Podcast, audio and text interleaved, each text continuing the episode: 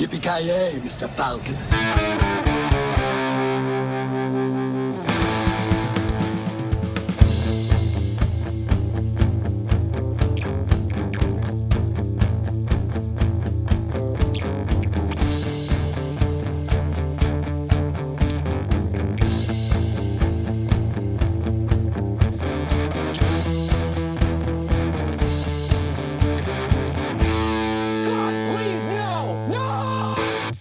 Tjena kära lyssnare! Välkomna till ännu ett avsnitt av Creative Meltdown Podcast. Mitt namn är Joakim Granström och med mig från kalla och karga Luleå, Joakim Avoya, hur står det till? Eh, ja, nu, är, nu har vi sett på Fat Kilmer så det, nu står, kan det inte bli bättre.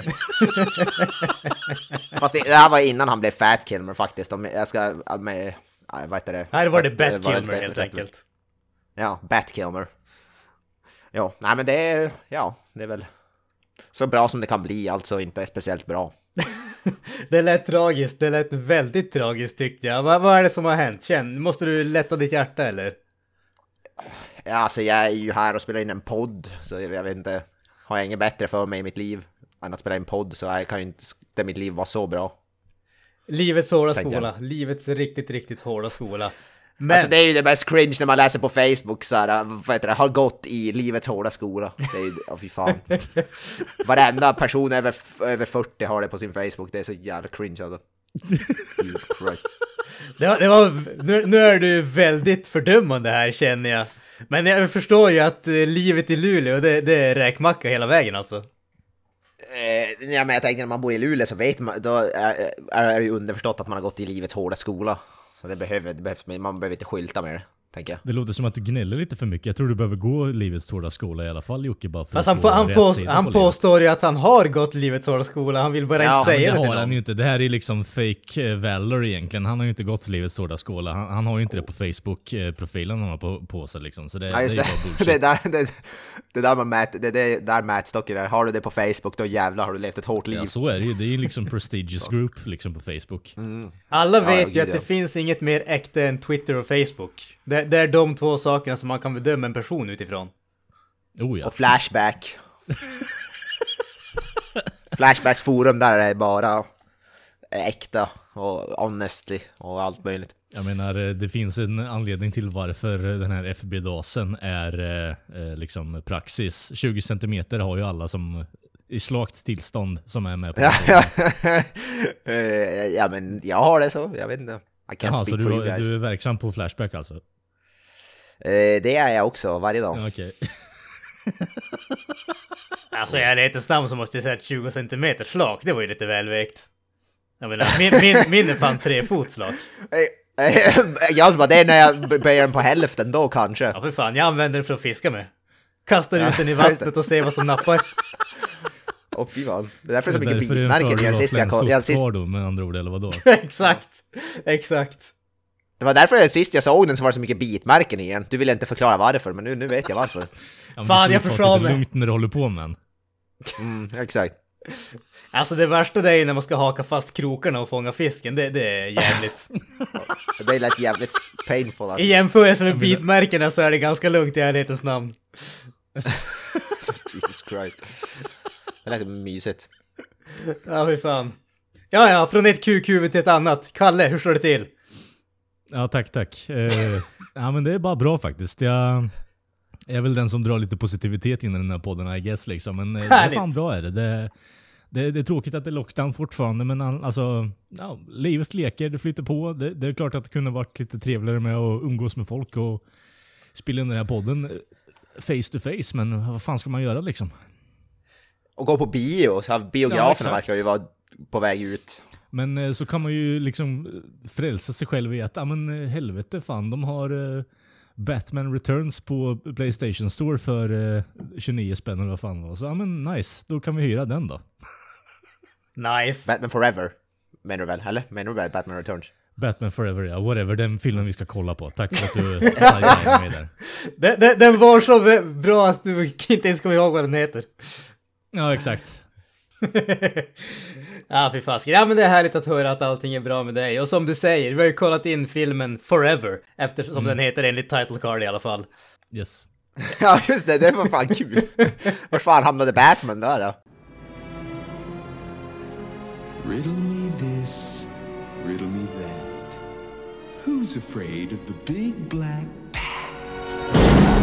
In an uncertain world, in a chaotic time, justice wears a mask. Courage now, truth always. Batman forever.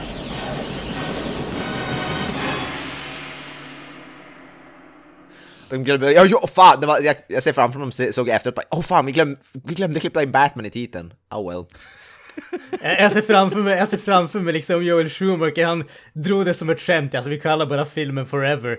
Och sen när liksom Warner Brothers eh, såg det så insåg de, fan vi måste göra någonting åt det och så insåg jävlar alltså budgeten, det kommer att bli kosta alldeles för jäkla mycket att stoppa in texten Batman där också. Vi kan inte ge honom mer pengar, han har redan slösat bort 100 miljoner av våra surt förvärvade slantar.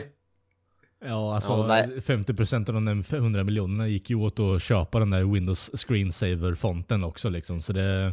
det. Jag tror, jag tror att eh, fem- 50% gick till det och de andra 50% gick till neonlampor. Jag, jag, jag tror Val, Val Kilmers Bat-nipples var jävligt dyra också tror jag. Ja, fast han har väl inga Batnipples i den här? Det är ju George Ja, Clooney. ja, det har han ju. Herregud, Har han? såg du Ja, inte? det Vi var fick ingenting jag ju... märkte, för det, det enda jag märkte var ju Batbulge och uh, Bat-ass liksom. Men, Ja, alltså- Det var ju stora till Bat Areolos var det ju för fan, de var ju gigantiska.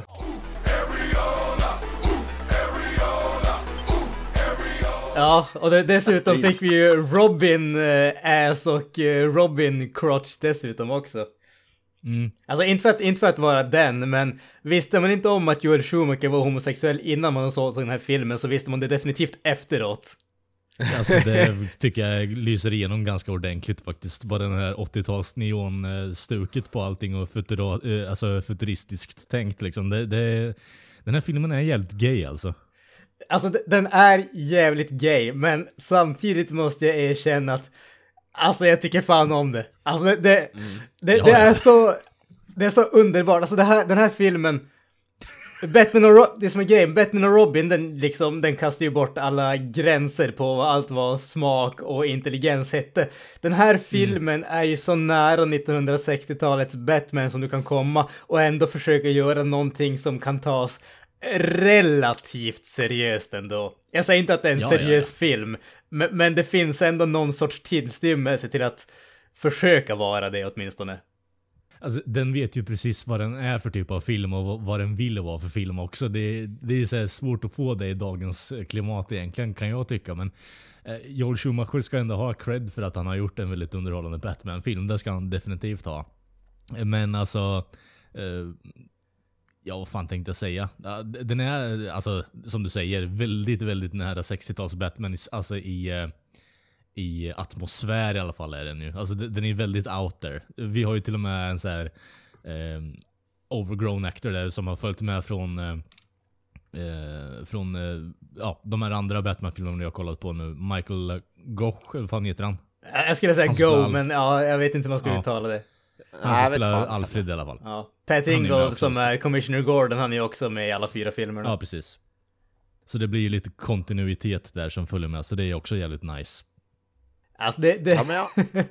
ja, det, det är som aldrig riktigt sådär förklarat, är det här en uppföljare eller är det inte det? Alltså det, det Ja, alltså det, de hintar ju lite mot det i och med att eh, hon, eh, ja, vad fan är hon heter? Eh, Nicole Kidman. Nicole va? Kidmans. ja, Ja. Chase Ja. Meridian. Hennes.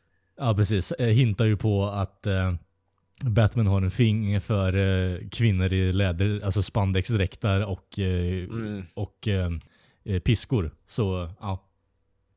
Ja, alltså, Ja, de gör ju referens till Returns. Ja men precis, alltså den har ju vissa sådana där små referenser men samtidigt så sägs det aldrig riktigt rakt ut att okej det här tar plats efteråt men det, det är ju alltså det, det är ändå sådär att man kan inte riktigt säga att det inte gör det heller utan det, det, är uppenbarligen i samma värld om vi säger så. Ja, det är ju för fan Tim Burton som har varit delaktig i det här också, så eh, han är ju för fan en av eh, läkarna också på, mot slutet där. Ja det. Ja, han är ju den som visar hon eh, Chase liksom till, eh, till... Eh, Alltså, Nej, den nej, läkaren nej, var ju det- det är döpt- inte Tim läkaren Burton. var ju döpt till... Läkaren var döpt till Burton tror jag som referens, men jag tror inte det var Burton Nej, han, själv. är- han heter... Okej, han, han, heter är med René i någonting. castlistan. Han är med i castlistan så jag vet inte. Han, han heter René Auberjonis. Men Mm, alltså definitivt, han han, han har ju exakt samma Burton-frisyr så att... Eh, förklarligt misstag, definitivt. Han, ser ju, han ser ju ut som eh, efter att Catwoman och eh, Max Schreck har tagit den där elstationen i Batman Returns ungefär. Det håret har han ju. Mm, mm. Alltså jag såg se något sjukt nu i, vad heter det, i skådespel, liksom John Favreau är med i Yes, rollen. han, Inte fan han kommer- alltså, jag kände igen honom, vad fan är det där Vem John fan Favreau? spelar han? Vad fan spelar han här Han, han, han är med i typ två sekunder när, eh, vad heter när Bruce Wayne, i första scenen där han går in i, vad heter det, Wayne Enterprises och trä, träffar eh, Edward Nigma. Så är han en av snubbarna som går bakom honom och man ser honom i typ två, tre sekunder och sen ser man inte igen. Jaha. Nej, det är därför det såg det jag fan inte faktiskt. Alltså, jag, jag, jag kände igen honom, men han var så mycket smalare än vad han är nu. Så bara, är det han eller är det inte han? Fan vad coolt. Men ja, det Ja, var alltså- han såg jag i castlisten. Det, det, det minns jag fan. Wow, interesting. Ja men vi kan ju direkt, vi kan ju som kasta oss in i castlistan ändå, för den är ju, säger vad man vill om filmen, men jag tycker ändå att det, det är en hyfsat imponerande castlista i den här filmen. Alltså vi har ju givetvis Val Kilmer som tar över efter Michael Keaton som Bruce Wayne, a.k.a. Batman. Mm. Det som jag har varit nästan mest förvånad över, och jag vet inte om det är för att jag aldrig har reflekterat över hur lika de två är, men munpartiet, alltså läpparna och den biten på Val Kilmer och Michael Keaton, de ser fan lika ut. Ja, men alltså, jag måste säga att jag tycker ändå om Val Kilmer som Batman. Det, det som Ja. förstör det egentligen, det är ju den där uh, goofy joke-grejen. Alltså bokstavligt talat, första repliken i den här filmen, första dialogen är Can I persuade you to take a sandwich? I'll get drive-through. Ja. alltså. Jag tycker, jag tycker Val Kilmer är underskattad Batman. Jag tycker han är, är, ljusare bättre än George Clooney till att börja med i alla fall. Men jag tycker han är Ja, ändå inte alltså, så nu- dålig heller som han får cred för. Det är så svårt att Jag säga, nu, nu var det ett bra tag sedan jag såg Batman och Robin. Vi, vi kommer ju dit så småningom, men eh, jag tycker ändå om Val Kilmer som Batman. Han eh, har en presence liksom på, som eh, Keaton har också.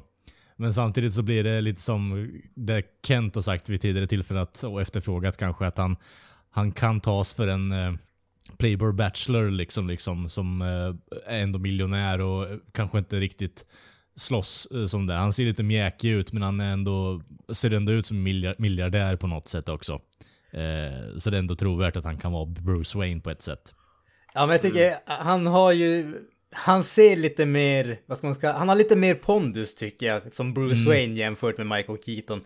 Men, men jag tycker att det funkar som det här uh, Head of Industries, alltså det, det är ju, Frågan är ju om man ska tolka liksom Bruce Wayne som den där, uh, han ärvde allting och har ingen aning om vad han håller på med, eller om han, han ärvde allting men han är ändå en smart snubbe. Och jag tycker att Michael Keaton gjorde rollen som han ärvde allting och har knappt någon aning, men han liksom, han är ändå en bra person om man säger så. Och Val Kilmer går åt andra hållet, han ärvde allting men han är ändå en smart snubbe. Det kan ju bero på att de inte visar affärssidan så jävla mycket i de tidigare filmerna där. Här visar de ju ändå att han går omkring på golvet och interagerar med sina medarbetare och vissa av dem lite mer galna än alla andra kanske men han är ändå delaktig i affärerna i den här filmen på ett sätt. Ja, absolut. Det kan man också säga faktiskt att eh, Bob Kane, som är en av eh, de som skapade Batman, tyckte ju faktiskt att Val Kilmer var den, eh, den som gjorde rollen bäst, åtminstone enligt hur han tyckte att Batman skulle vara. Det är faktiskt det, exakt det jag sa i vårt inledande introduktionsavsnitt, Batman. Att Bob, i alla fall utseendemässigt tyckte han väl att Val Kilmer var mest lik hans Batman. Jag vet inte om han sa att han var bäst, det kanske han har sagt också. Men eh, ja, det har jag också hört samma sak. Vilket är intressant faktiskt. Alltså jag tycker ändå det, det, det är lite credit när du har liksom skaparen av karaktären tycker att du gör det riktigt bra. Det, det är ju ändå, med, med tanke på hur bra kritik, vad heter Michael Keaton ändå fick som rollen så är det ju riktigt, som sagt, det är credit ändå. Ja. ja men jag gillar, jag gillar, jag tycker Val Kilmer definitivt är de- en av de starkaste korten i filmen tycker jag. Han är inte det- som drar ner filmen. Nej.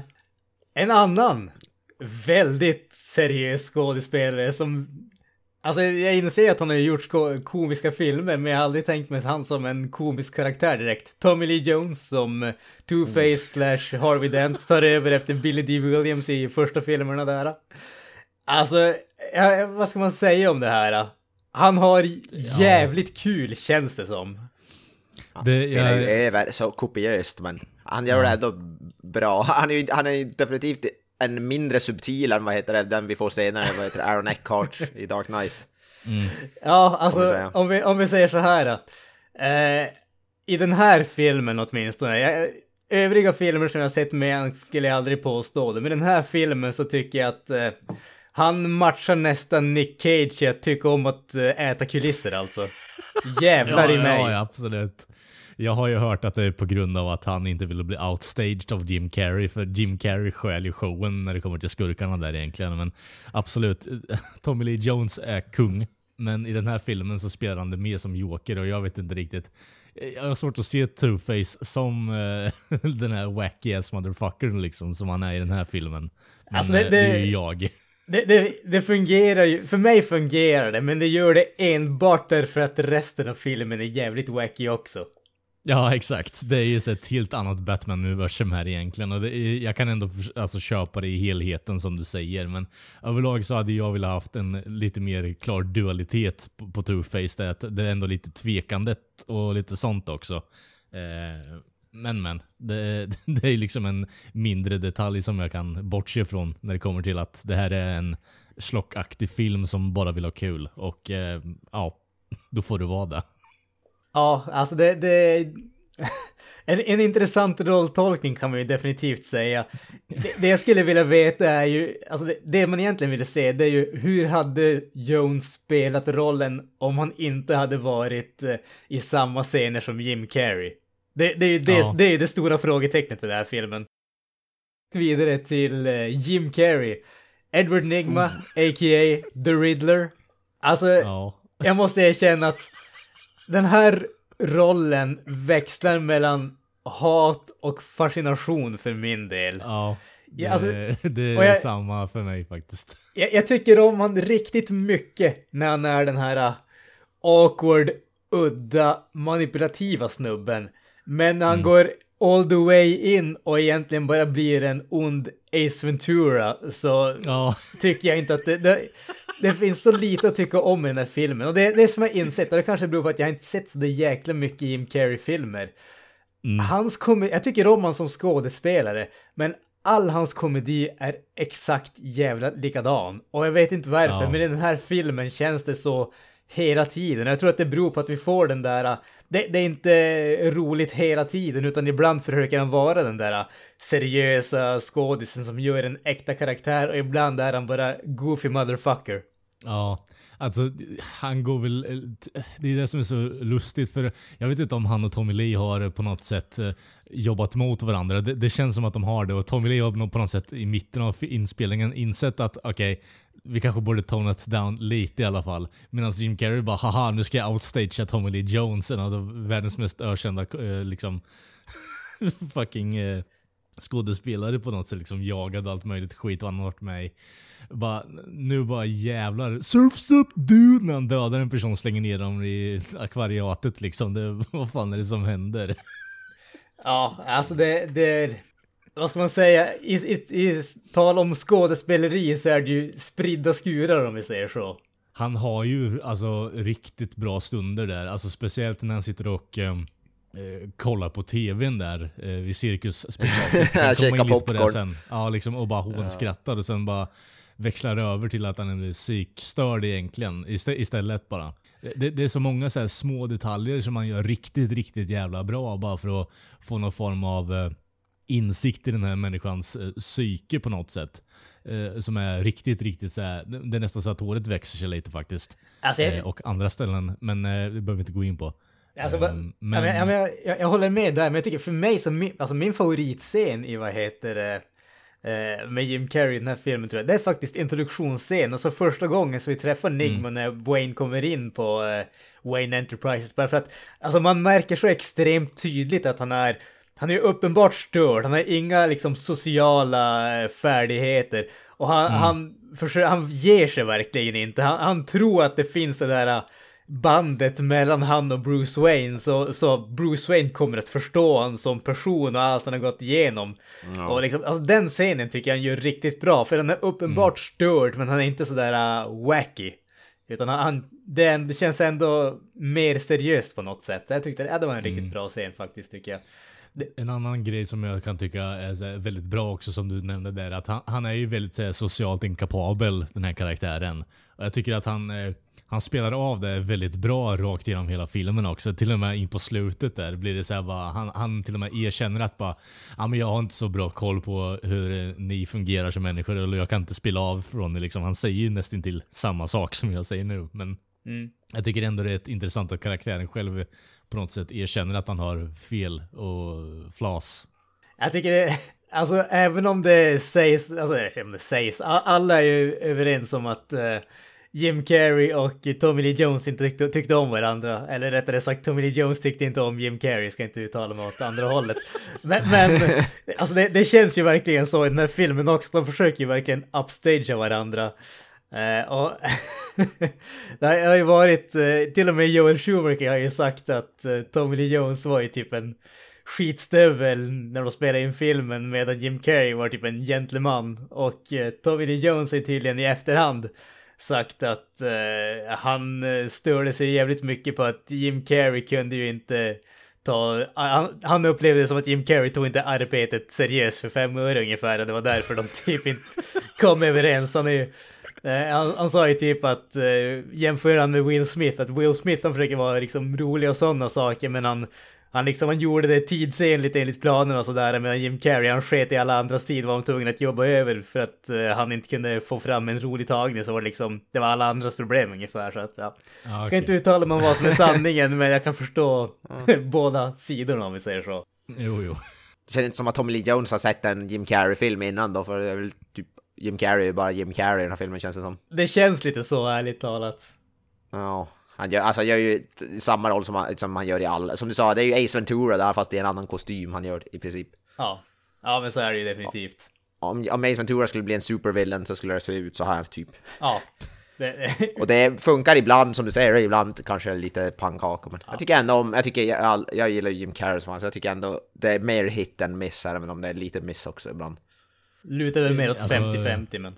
Ja, Ja, ja. Det, det är väl det att uh, hittarna slår igenom utav helvete, men missarna känns ganska ordentligt de också faktiskt. Det, det, drar, det är väl det som drar ner filmen i min mening egentligen, men ändå så skulle jag ändå vilja säga att designen på gåtan i den här filmen är ju helt klart den bästa. Jag, jag kan inte titta tillbaka på 60-talet med den här jävla fula spandexen med, med Alltså, Gleeful Eyes, alltså jag kan inte det. Eh, Alltså jag vet inte om jag håller med där. Om inte annat så därför att Carrie spenderar ganska stora delar av filmen här i trikåer också.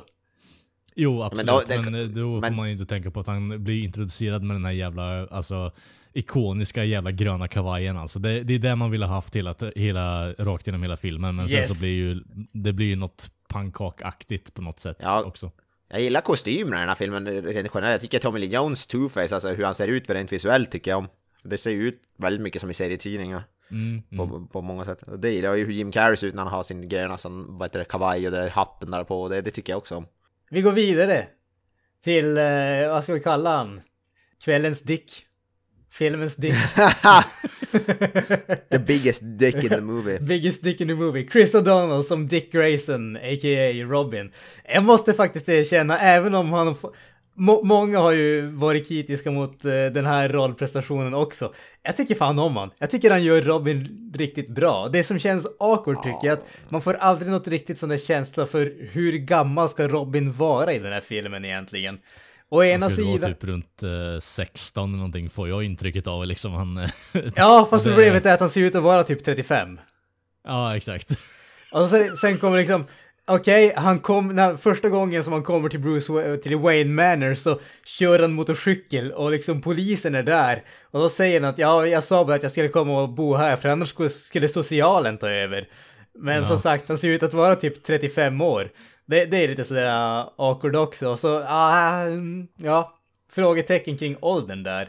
Men äh, alltså, jag tycker om Chris O'Donnell alltså. Jag tycker han är, han gör ändå den här äh, lagom uh, uppstudsiga tonårsrebellen tycker jag riktigt bra, till skillnad från eh, Burt Ward i 60-tals Batman som bara var liksom pannkaka som Robin. Alltså jag tycker om den stilen på karaktären också, men där har han ju typ ingen eh, personlighet annat än att säga typ Jeepers Creepers Batman.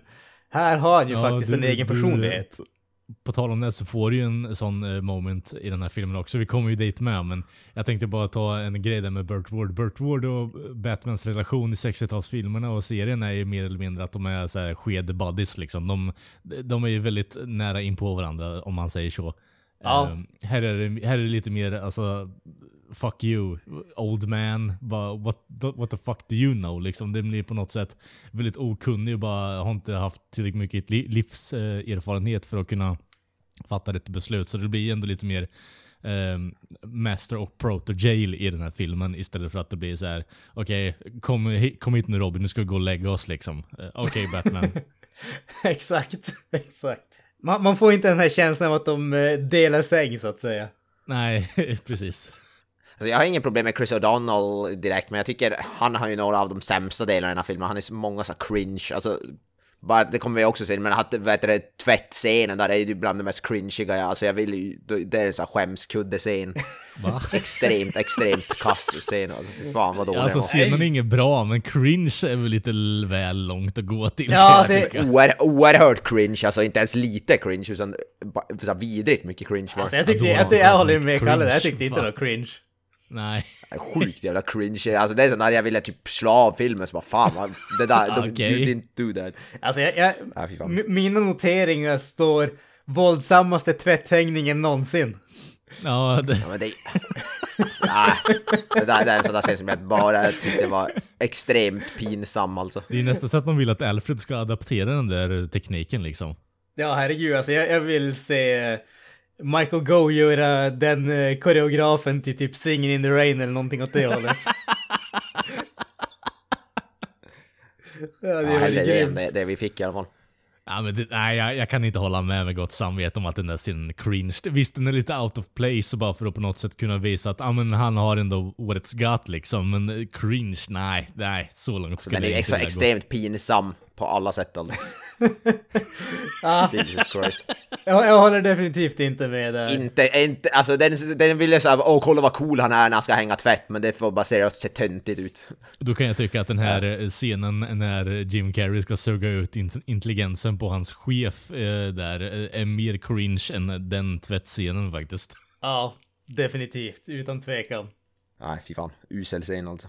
Ja, men vi går vidare till eh, Bruce Waynes kärleksintresse i denna film. Nicole Kidman, Chase Meridian, en karaktär skapad eh, enbart för den här filmen, även om hon eh, dök upp senare i serietidningarna faktiskt. Mhm. Dessutom omdesignad så att hon skulle ha lite mörkare hud etc. etc. för att de inte skulle behöva betala royalties till Nicole Kidman. Ah, Enligt okej. Wikipedia i alla fall. Okej, Of okej. course. Vad tycker vi om den här karaktären allmänt? Alltså har hon ens ett... Eh, alltså jag, jag- det känns inte som att hon har någonting att sätta emot eh, Catwoman från förra filmen. Eh, eh, kanske samma nivå som typ Vicky Vale i första filmen. Alltså där. Det är ingen av karaktärerna är väl direkt en höjdpunkt i filmen, men herregud alltså Catwoman var ju en helt annan nivå.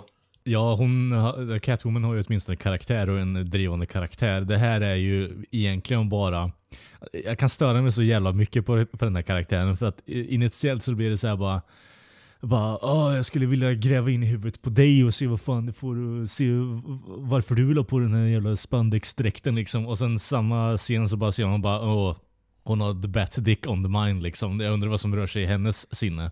Ja, alltså hon gör ju definitivt ingen eh, hemlighet om hennes eh, intresse av bat dick så att säga. Nej, det... Och hon är väldigt, she där- definitely wants that bat dick. Ja, där, kan vi prata cringe eh, Jocke också, att det blir på något sätt väldigt krystat bara för att Joel Schumacher inte ville ha för mycket gay shots i den här filmen I guess. Så vi måste ha lite straight shots i det där också. Cleavage Ja, bland det är annat. klart. Ja, ja. Självklart. Ja, hon är rätt forgettable kan man väl säga. Inte... Eh, hon ser ju Alltså- inte dålig ut om vi säger så. Ja, Ja, hon ser, det är hon väl där för att vara ögongodis för the straight man så att säga. Ja. Det är väl typ det. Men det är Hon väl typ det hon gör också. Och Ja. ja. ja, jag vet inte vad hon gör numera, men det var väl ett tag sedan hon var verksam som skådespelare på riktigt. Ingen aning. Jag kan inte, jag, kan inte min eh, Nicole Kidman-kunskap är inte, är inte så insatt faktiskt. Okej. Inte, inte en favoritskådis kanske direkt. Nej, faktiskt inte. Vi kommer avrunda castlisten med två stycken tidigare nämnda. Michael Gove som Alfred och Pat Hingle som eh, Commissioner Gordon. De två snubbarna som är eh, genomgående i alla de här fyra, vad ska man kalla det, originalfilmerna om man ska säga. Eh, och varit... Eh, Pat Hingle, han, han dyker ju upp lite grann här och där typ, skulle man säga i de här filmerna. Han är ju inte så där genomgående ändå. Alltså, han är ju med i alla filmerna men det känns inte som att rollen är speciellt stor om vi säger så. Medan ju Michael bara han är ju... ha- Nej, jag tänkte bara säga att eh, Commissioner Gordon i de här filmerna är det mer bara, ah, här är Commissioner Gordon. Han säger typ sitt namn och sen så är han med i frame i två sekunder och sen så är det tack hej då.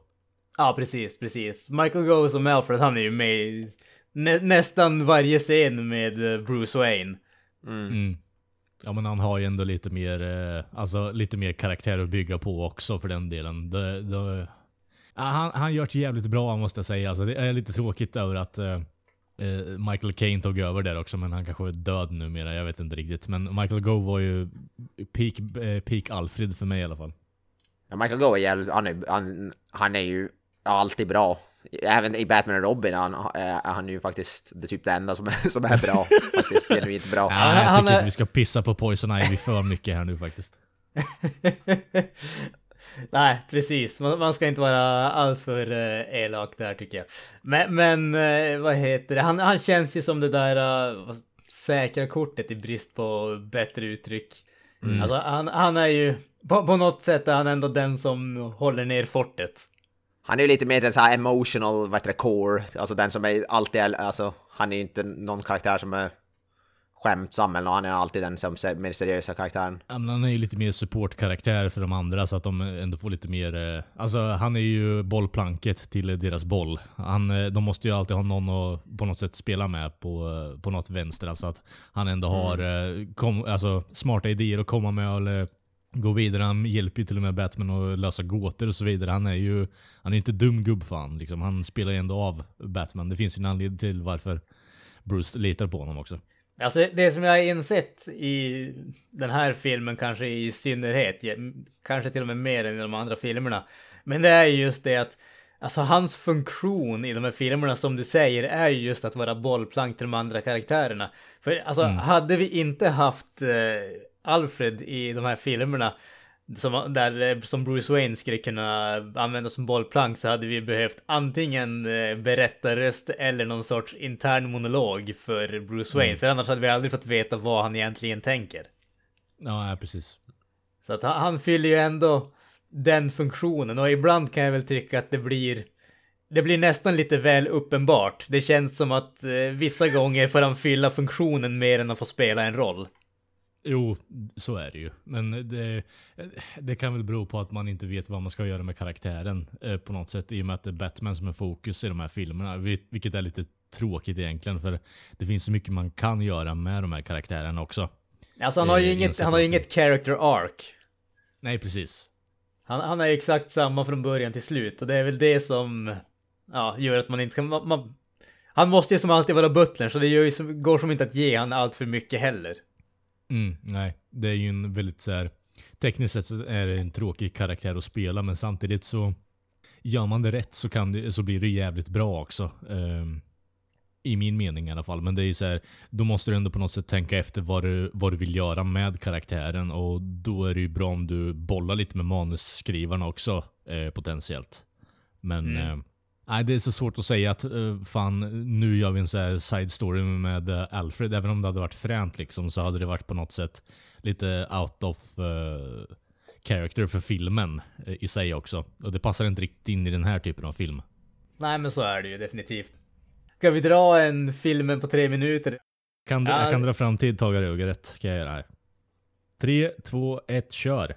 Okej, filmen öppnar med Two-Face som har tagit eh, en... Eh, tagit över en bank, typiskt. Någonting åt det hållet. Ett bankskåp i alla fall. Och han har tagit en gisslan. Batman svingar sig in, flörtar lite grann med Chase Meridian och sen ger sig iväg för att rädda gisslan. Vilket han givetvis gör, självklart i Batman. Senare på Wayne Enterprises försöker Edward Nigma sälja in sin eh, uppfinning till Bruce Wayne. Det är en apparat som strålar tv-signaler direkt in i hjärnan. Bruce köper det inte, han är rädd för att det kommer att användas till att eh, typ ta över folks eh, sinnen och eh, han rejectar idén fullständigt, vilket eh, i stort sett leder till ett psykbryt hos eh, Edward Nigma som dödar sin närmaste chef, säger upp det och sen så går All Out Wacko och börjar lämna en massa gåtor till eh, Bruce Wayne. Eh, Bruce Wayne tar, den här, eh, tar de här gåtorna till psykologen Chase Meridian som han träffade som Batman tidigare. Och eh, hon ger den professionella diagnosen att eh, gåtmakaren är ett wacko. Vilket är en eh, djup, eh, djup diagnos. Homicidal wacko tror jag till och med att det var. Och Bruce säger att uh, det, det här um, wacko-grejset, det gör han lite hot and bothered. Så han säger att I need to get you out of those clothes. Och han bjuder med honom till cirkus av någon anledning. Vet inte riktigt hur sammanhanget funkar där, men det gör det säkert på något sätt.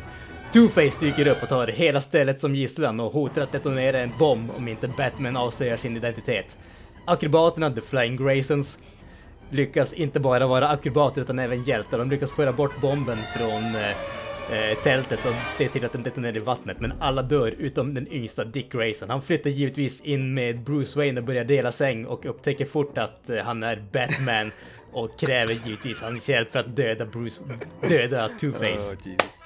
Edward Nygma tar sig an identiteten som eh, The Riddler och söker upp Two-Face för att tillsammans kunna lista ut Batmans identitet. Och En de minut börjar... kvar. Va?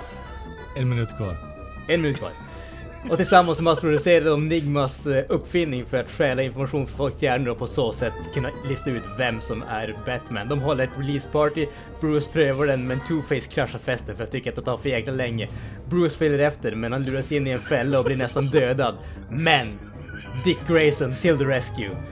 Bruce bjuder upp eh, Chase till Wayne Manor och där får hon reda att, på att han är Batman när de kysser varandra men Riddler och Two-Face dyker upp och spränger Batcaven, skjuter Bruce och kidnappar Chase. Bruce lyckas lista ut att Nygma är Riddler tillsammans med Robin så ger sig av till Claw Island. Där de har sin hemliga bas, om man ska kalla det. Robin konfronterar Blueface men tar, Two-Face men tar inte hans liv och blir själv tillfångatagen. Batman i sin tur konfronterar Riddler som har fängst, fängslat både Robin och Chase i varsin glastub över en fallgrop. Batman fyra, kan bara tvingas tre, rädda en av dem. två. Men, Ett. Slut. fuck, ni får inte höra slutet av filmen. Livet är hårt. Nej, bra försök. Bra försök. Den, den här filmen är jävligt eh, plottät om vi säger så i alla fall. Den är bisarrt plottät för en film av så låg kvalitet. Ja. Eller hög kvalitet. Eller en film av bara kvalitet, skulle jag våga påstå. Ja, det är en bra fråga. Det är ju många bra, intelli alltså inte, inte intelligent, inte, jag kan inte prata, intelligenta är det inte, men intressanta scener är det ju i alla fall. Tveklöst, tveklöst. Men bara allmänt, alltså vad tyckte ni om filmen? Kalle, du kan ju börja när du ändå... Du har sett den tidigare förutsätter jag. Oh ja, det här har ju varit en liksom barndoms eh, prägelse för min del. Det här var ju så här. Fan var jag? När kommer den ut? 95? 95, yes. Ja, då var jag tre bast. Så det här har ju varit på eh, ni vet, när man, vi har ju pratat om det här tidigare, VHS-inspelande eh, filmer när de visar på, på trean, fyran, ettan och så vidare. Så det här var ju liksom bara Farsan kan du slänga in i VHS-band och spela in Batman eh, Forever för mig eller? Absolut Kalle, absolut det löser jag. Och så har ju den nött sönder det där jävla fucking bandet under min uppväxt. Så från, eh, jag skulle säga, säg att 95 kom den här ut. Eh, då var jag tre. Eh, sett runt fem där och så 97 där någonstans så började det här komma ut på tvn. Så från där eh, och eh, ett bra par år framåt så har jag sett på den här filmen väldigt många gånger. Underbar film. Eh, håller fortfarande det här eh, gleefulness som jag kanske ville sätta in i den här också. Det, det, det är mycket rose tint glasses med den här eh, filmen egentligen. Men alltså det här är ju sättet som jag tyckte om den på när jag var yngre har ändrats från när jag tycker om den som äldre. Det här är ju så här, oh Batman, underbart liksom när man var mindre. Till att bara haha fucking two-face eh, har, ett, har beef med gåtan bakom scenerna, haha. liksom sitter och asgarvar åt sånt skit. Men eh, det det är ju en underbar film, det finns så mycket historia bakom den här filmen också, det är det som är lite kul. Och man kan göra narr av den väldigt enkelt. Och det, det, men samtidigt så är det så här, det, det är svårt att pissa på den allt för mycket för det, det är så mycket tid och kärlek nedlagt i den också. Så det, det är ändå en underhållande film i min mening, även om det är på gott och ont. Alltså för mig så känns den här, den, den har mer än bara några likheter till Spider-Man 3 alltså. Det, det är, alltså bara, bara för att den, den tar ett så stort avstamp från de andra två filmerna som kom innan. Och gör ändå någonting som, alltså det blir underhållande. Jag är inte säker på om jag skulle kalla det bra i ärlighetens namn, men det är underhållande. Det är mycket underhållningsvärde i det. Avoya, vad tycker du? Alltså, jag, ty jag tycker jag alltid gillat Batman Forever, jag tycker den är underskattad. Eh, jag tycker förvånansvärt, eller... Eh, jag var inte förvånansvärt, men den får... Eh, vad heter det, mycket skit, rent vad heter det, det inte förtjänar det, som den inte förtjänar tycker jag. jag. Jag har alltid gillat den, även om det absolut inte är ett mästerverk, men jag tycker den är bättre än ryktet säger i alla fall. Jag tycker den är jävligt underhållande, och jag gillar väl Kilmer. Tycker jag fak- faktiskt är riktigt bra. Sen finns det en del grejer som vi sa tidigare som vi säkert kommer in på som är ja, betydligt mindre bra, men den är, den är ju sjukt rolig och jävligt underhållande. Alltså den, den är ju inte tråkig för fem sekunder, det kan man inte säga. Men sen, Ja, det att, finns sen ju vissa ju... delar som jag kan tycka sticker ut liksom, men det är ju så här, det är downtime mellan galenskaperna, så det behövs ju också. Vet Fan om det finns, det finns knappt någon downtime i den här filmen, alltså den är ju nästan balls to the wall från ruta ett, liksom. men den, den är jävligt tokig alltså. Den är, som Granström sa tidigare, den är väl typ den närmsta vi har fått en Adam West Batman utan Adam West, höll jag på att säga. Om man nu, om man nu borträknar Batman och Robin som, jag vet inte fan hur, vart man ska placera, i vilket fack man ska placera den. Men jag, jag, jag gillar den, så fan, jag, jag, jag, ett, jag har alltid varit fan av den här filmen. Och jag har sett den många, många gånger så, um, alltså förut. Det här är väl säkert femte gången man har sett den eller något, jag vet inte. Jag har sett den många gånger i alla fall, i mitt liv. Ja, och ja, jag gillar den, eh, underskattad, helt klart. Alltså jag, jag är ju åt, eh, def- lutar definitivt åt ert, ert håll. Eh, än en gång, jag, jag kan inte säga att jag tycker att det är en bra film direkt, men jag tycker om den väldigt mycket. Alltså den, den är ändå, som, som jag sa tidigare, alltså den är galen och löjlig och eh, bizarr, men samtidigt finns det åtminstone ett försök att göra en seriös film i det och det, det, det kan jag ändå uppskatta. Sen måste jag erkänna att eh, alltså jag tycker ändå om utseendet på den. Jag tycker det, det är en snygg film alltså. Givetvis vissa dataanimationer håller inte riktigt eh, måttet och sådana saker. Lite, Nej. lite sånt där eh, effektsarbete och sånt. Vi- Visst, absolut, men alltså på, som sagt, den, har ett väldigt högt underhållningsvärde. Och det, det är ändå någonting som jag tycker Eh, det räddar filmen väldigt, väldigt mycket. För jag tror att hade man inte haft den där... eh, Alltså hade den här filmen varit mer seriös så tror jag inte att den hade åldrats speciellt bra heller. Nu, nu kan man uppskatta den. För, förut när man var liten och inte liksom fattade hur löjlig den var, då uppskattade man den för att man tyckte att det var en cool film. Nu kan jag uppskatta den för att den är löjlig och barnslig. Men jag uppskattar den ändå. Ja, det, det, det finns ju ett fack för sådana filmer också. Alltså, man behöver ju ha sån här palettglänsare, eller i det här fallet palettförstörare då, kanske bara för att på något sätt resetta till noll. Och det, det här är en så här väldigt underbar helgfilm bara, bara för att koppla av. Även om det låter väldigt motsägelsefullt så skulle jag ändå vilja säga att det här är en film som man definitivt kan samlas ett par människor, sitta och skratta åt och ha liksom någonting att prata om i efterhand. Alltså det här är en urtypen på en sån film vill jag påstå faktiskt. Ja, men alltså det, det kan jag faktiskt hålla med er om. Det, det är definitivt. Eh, sen kan man nämnas, inte för att det är någon som bryr sig om det, men det här var den första Batman-filmen som jag såg på bio, kommer jag ihåg. Ah. Yes, biotrean i eh, Piteå, självklart. Det- fan, jag, tror, jag, jag har nog inte sett, fast jag var ju alldeles för liten, men jag tror inte jag har sett någon av de här, alltså fyra gamla filmerna, tror jag nog inte jag hann se på bio. Mm. Den här kommer fan ut, när, när kom den här ut? 90, 95. 90 eller 91? 95. 95 till och med? Ja okej, jag var fyra bara, så det var- kanske inte var riktigt aktuellt. Jag såg, med eh, till bion liksom. jag såg den här och nästa Batman-film jag såg det var Dark Knight. Så att eh, det var ett tag Ja. emellan dem, men... eh, jävligt två olika, jävligt, filmer kan inte bli mer olika. alltså det, det var definitivt ytterligheten av Batman-upplevelsen om man säger så. Ja. Båda ändarna av spektrumet. Jesus. Definitivt. Bra på olika sätt. Kan man väl också säga. Ja, jo. ja, ut, utan tvekan kan man säga olika sätt, definitivt. Ingen, eh, ingen tvekan om den saken. Men eh, innan vi tar och drar oss in för att diskutera lite mer specifika scener tänkte jag bara att vi kan ju dra li, lite bara kort sådana här bakgrundsgrejer. Vi har ju nämnt lite grann tidigare om eh, diverse skådespelare som inte tyckte om varandra och sådär. Men rent allmänt som vi har sagt och som ingen definitivt kan undgå. Det här är, alltså den här filmstilen på den här filmen är ju oerhört annorlunda jämfört med eh, Tim Burtons två första Batman-filmer. Alltså de, de var ju ändå... Ja, alltså det, det här är ju, det här är ju om Tim Burtons var gråskalan så var det ju, har ju eh, Joel Schumacher i stort sett bara tagit eh, till Colorama och köpt varenda jävla möj, möjliga färg han kan hitta och slängt det på film liksom. Det här är ju, den här skriker ju bara. Eh, och det, det, är det är ett sätt, så, det är en anledning till varför jag älskar den här filmen, att den är så jävla färgglad på, på många ställen också. Ja, ja men definitivt. Och det kommer det, det är ju Warner Brothers var ju, det var ju egentligen deras mandat att det här, den här filmen skulle vara mer barnvänlig om man säger så. Eh, barnvänlig film och det kom ju i stort sett ifrån att eh, även om Tim Burtons eh, Batman-filmer var väldigt kritiskt framgångsrika och eh, båda två var vad heter det, gjorde ganska bra med pengar så drog ju den första filmen in eh, betydligt, betydligt mer än eh, Batman Returns helt enkelt.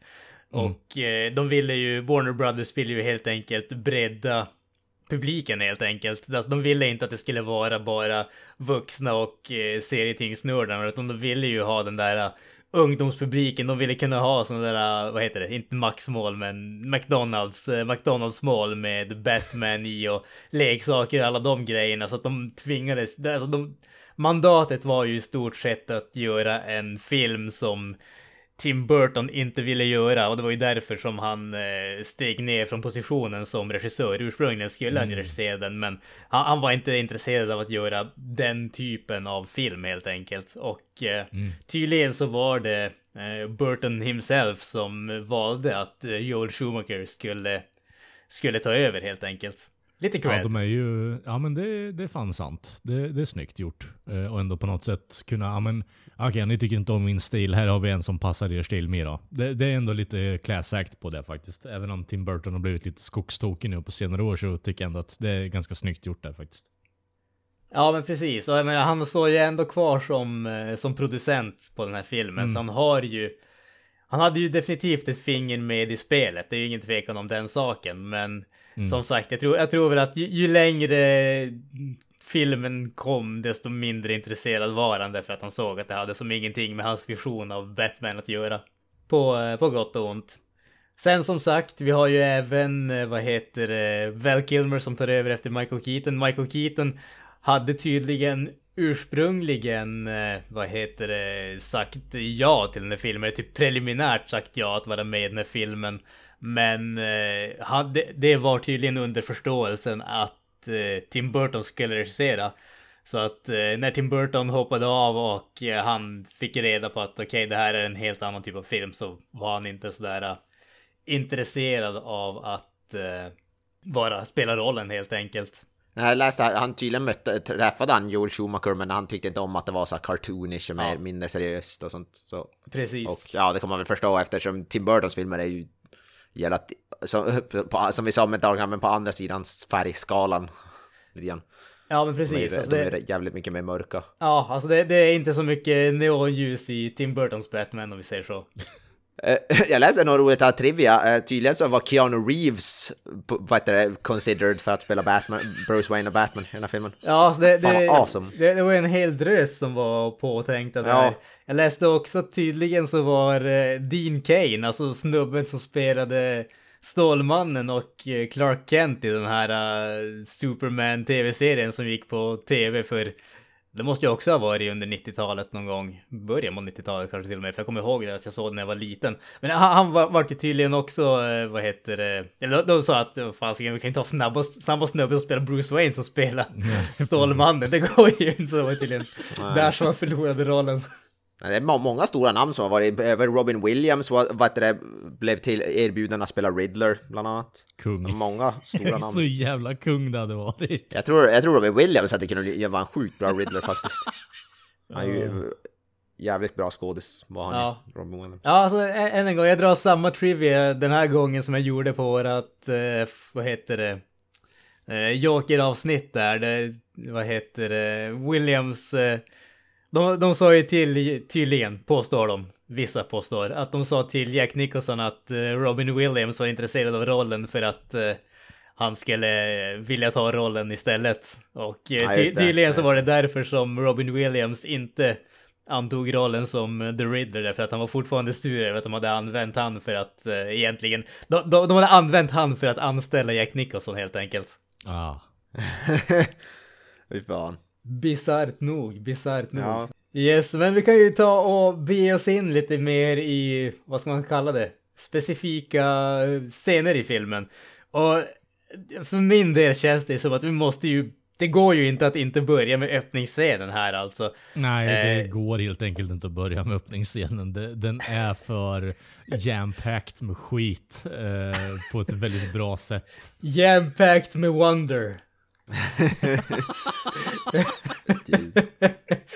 alltså, vi, vi har givetvis Two-Face och hans gisslan och Two-Face pratar givetvis eh, bisarrt. En sak som jag tycker om väldigt mycket med Two-Face i den här filmen är att han varje gång han pratar om sig själv så refererar han så, sig själv som we. Han är väldigt så här uh, pronoun uh, heavy, väldigt uh, progressiv före sin tid. Han är väldigt inkluderande. Exakt. Refererar mig till är bra. oss. Exakt. Exakt. Nej men alltså vi, vi har, vi har ju han och re, redan i den här första scenen så alltså Tommy Lee Jones har ju munnen full av kuliss redan första gången vi träffar han. Ja, Och så det, är sen- så, ja, ja, det, är, Ja, det är drywall överallt för fan. Det är nästan så att man undrar om att han egentligen var målad eh, rakt igenom lila där så att han har bara ätit med ena sidan av ansiktet med drywall bara för att Fy fan Mm. alltså, han äter the scenery utav helvete.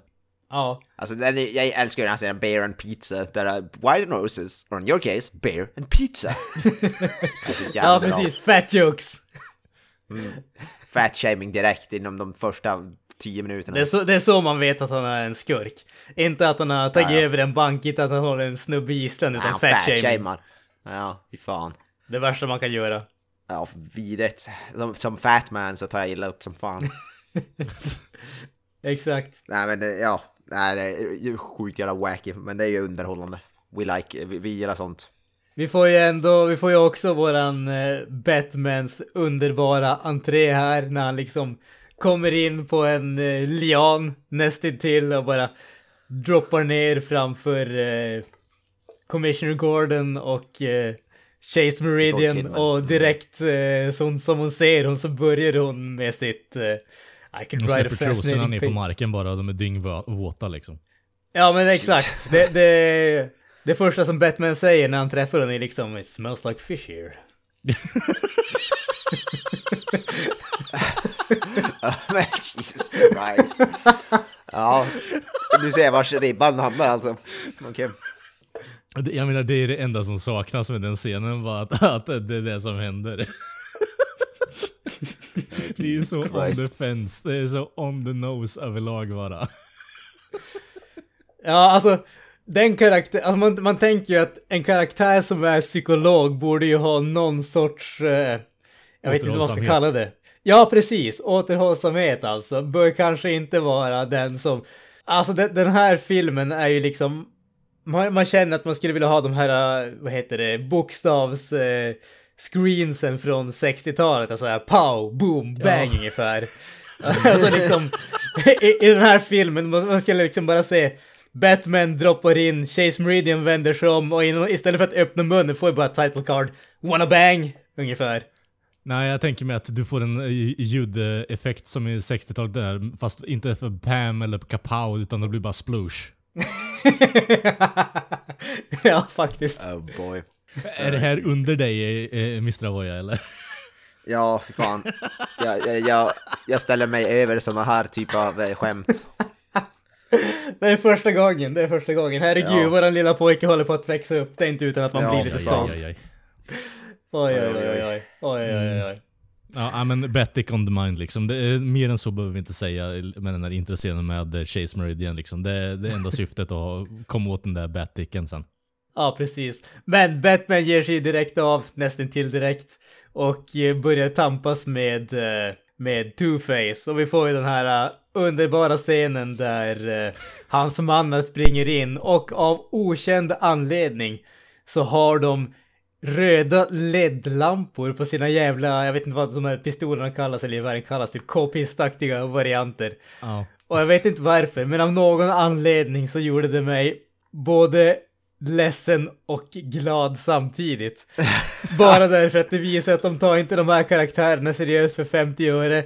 Men samtidigt är det bara så bisarrt så jag kan inte undgå att eh, älska det helt enkelt. Ja men det är ju en bra design på Goonsen, det måste jag ändå säga. Det är ju väldigt, så här, väldigt 90-talet blandat med tidigt 80-tal med de här jävla fåniga jävla neonslingorna de har i k-pist, eh, alltså i eh, magasinerna. det ser så jävla Ja. fult ut. Alltså,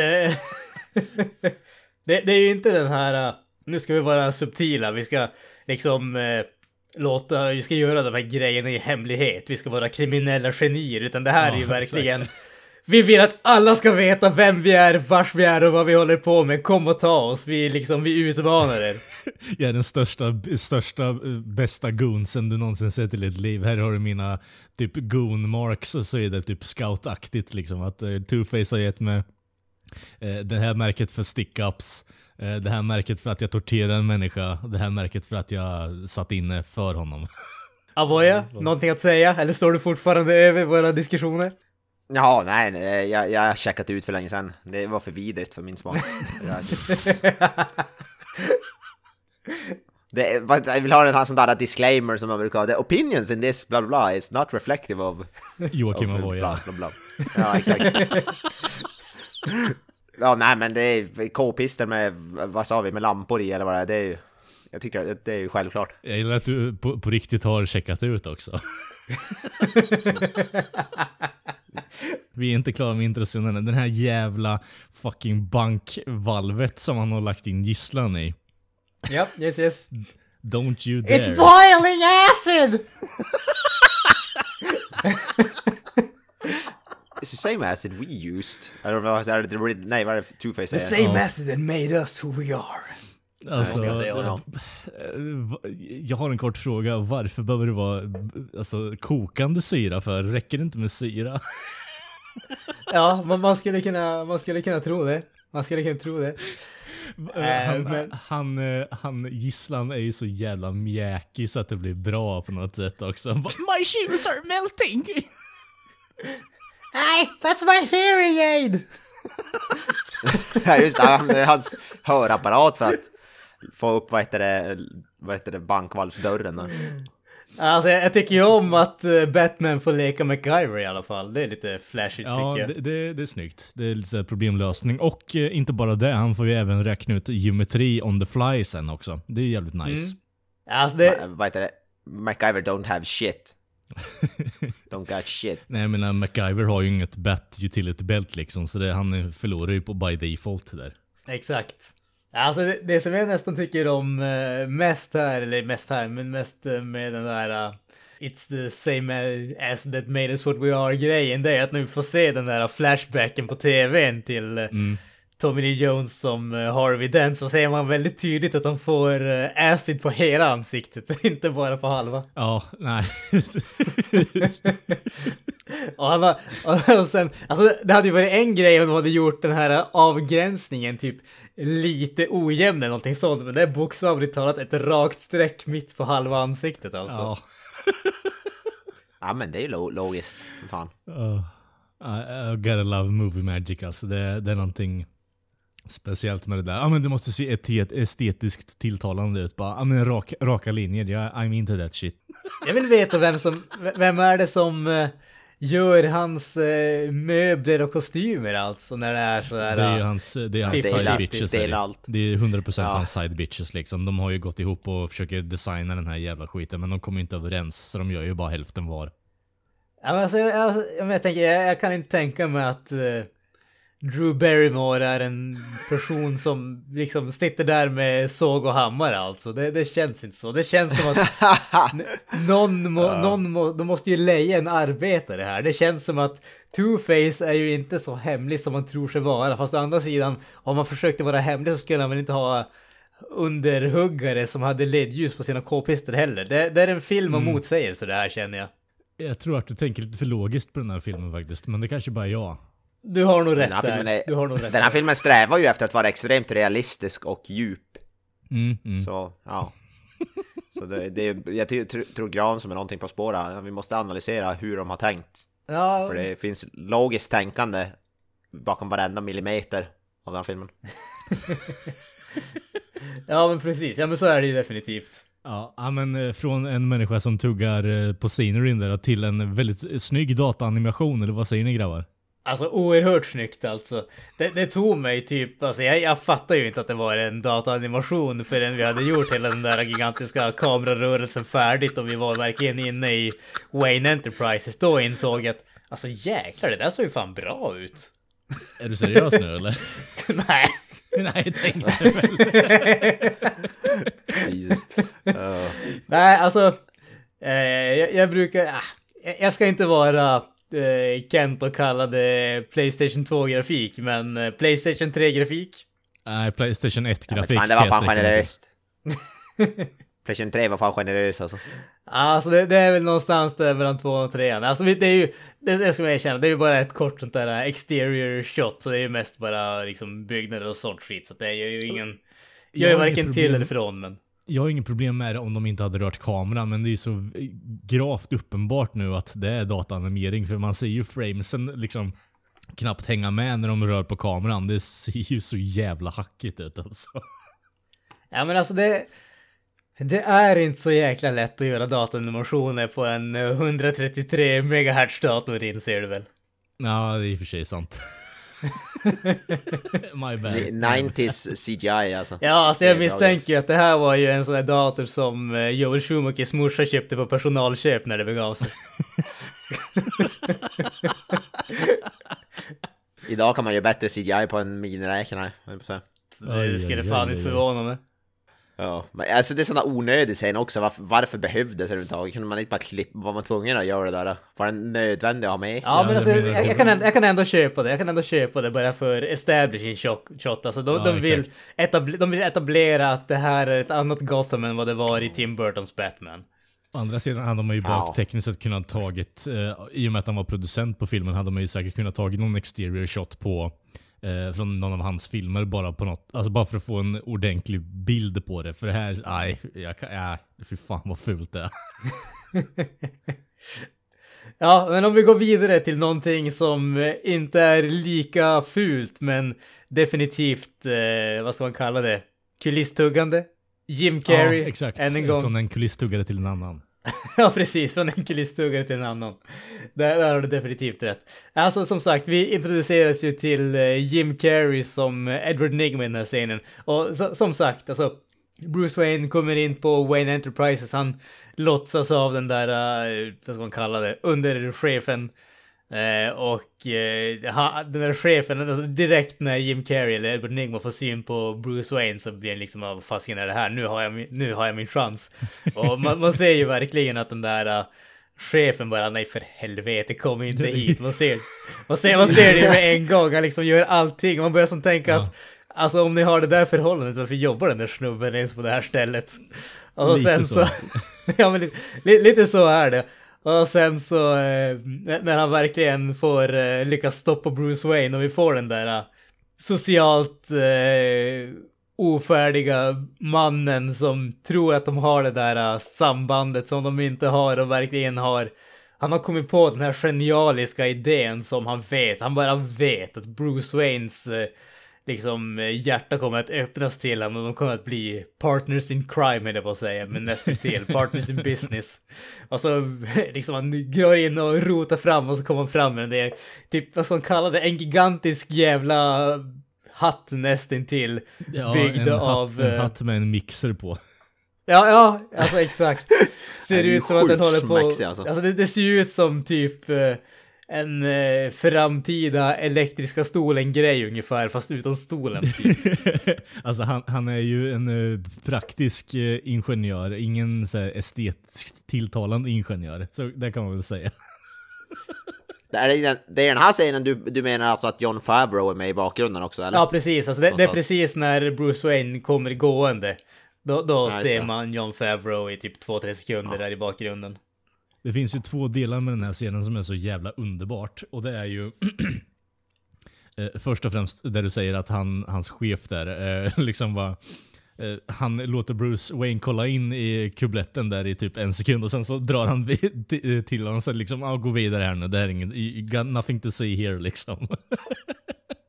Det är så subtilt också så det, det, det, ja, det var första gapskrattet bortsett från eh, boiling acid och så vidare. Och sen har vi ju den här, eh, alltså, för Bruce eh, väljer ju faktiskt att lyssna på det här jävla psykfallet också va. Men vad har du för idéer bara?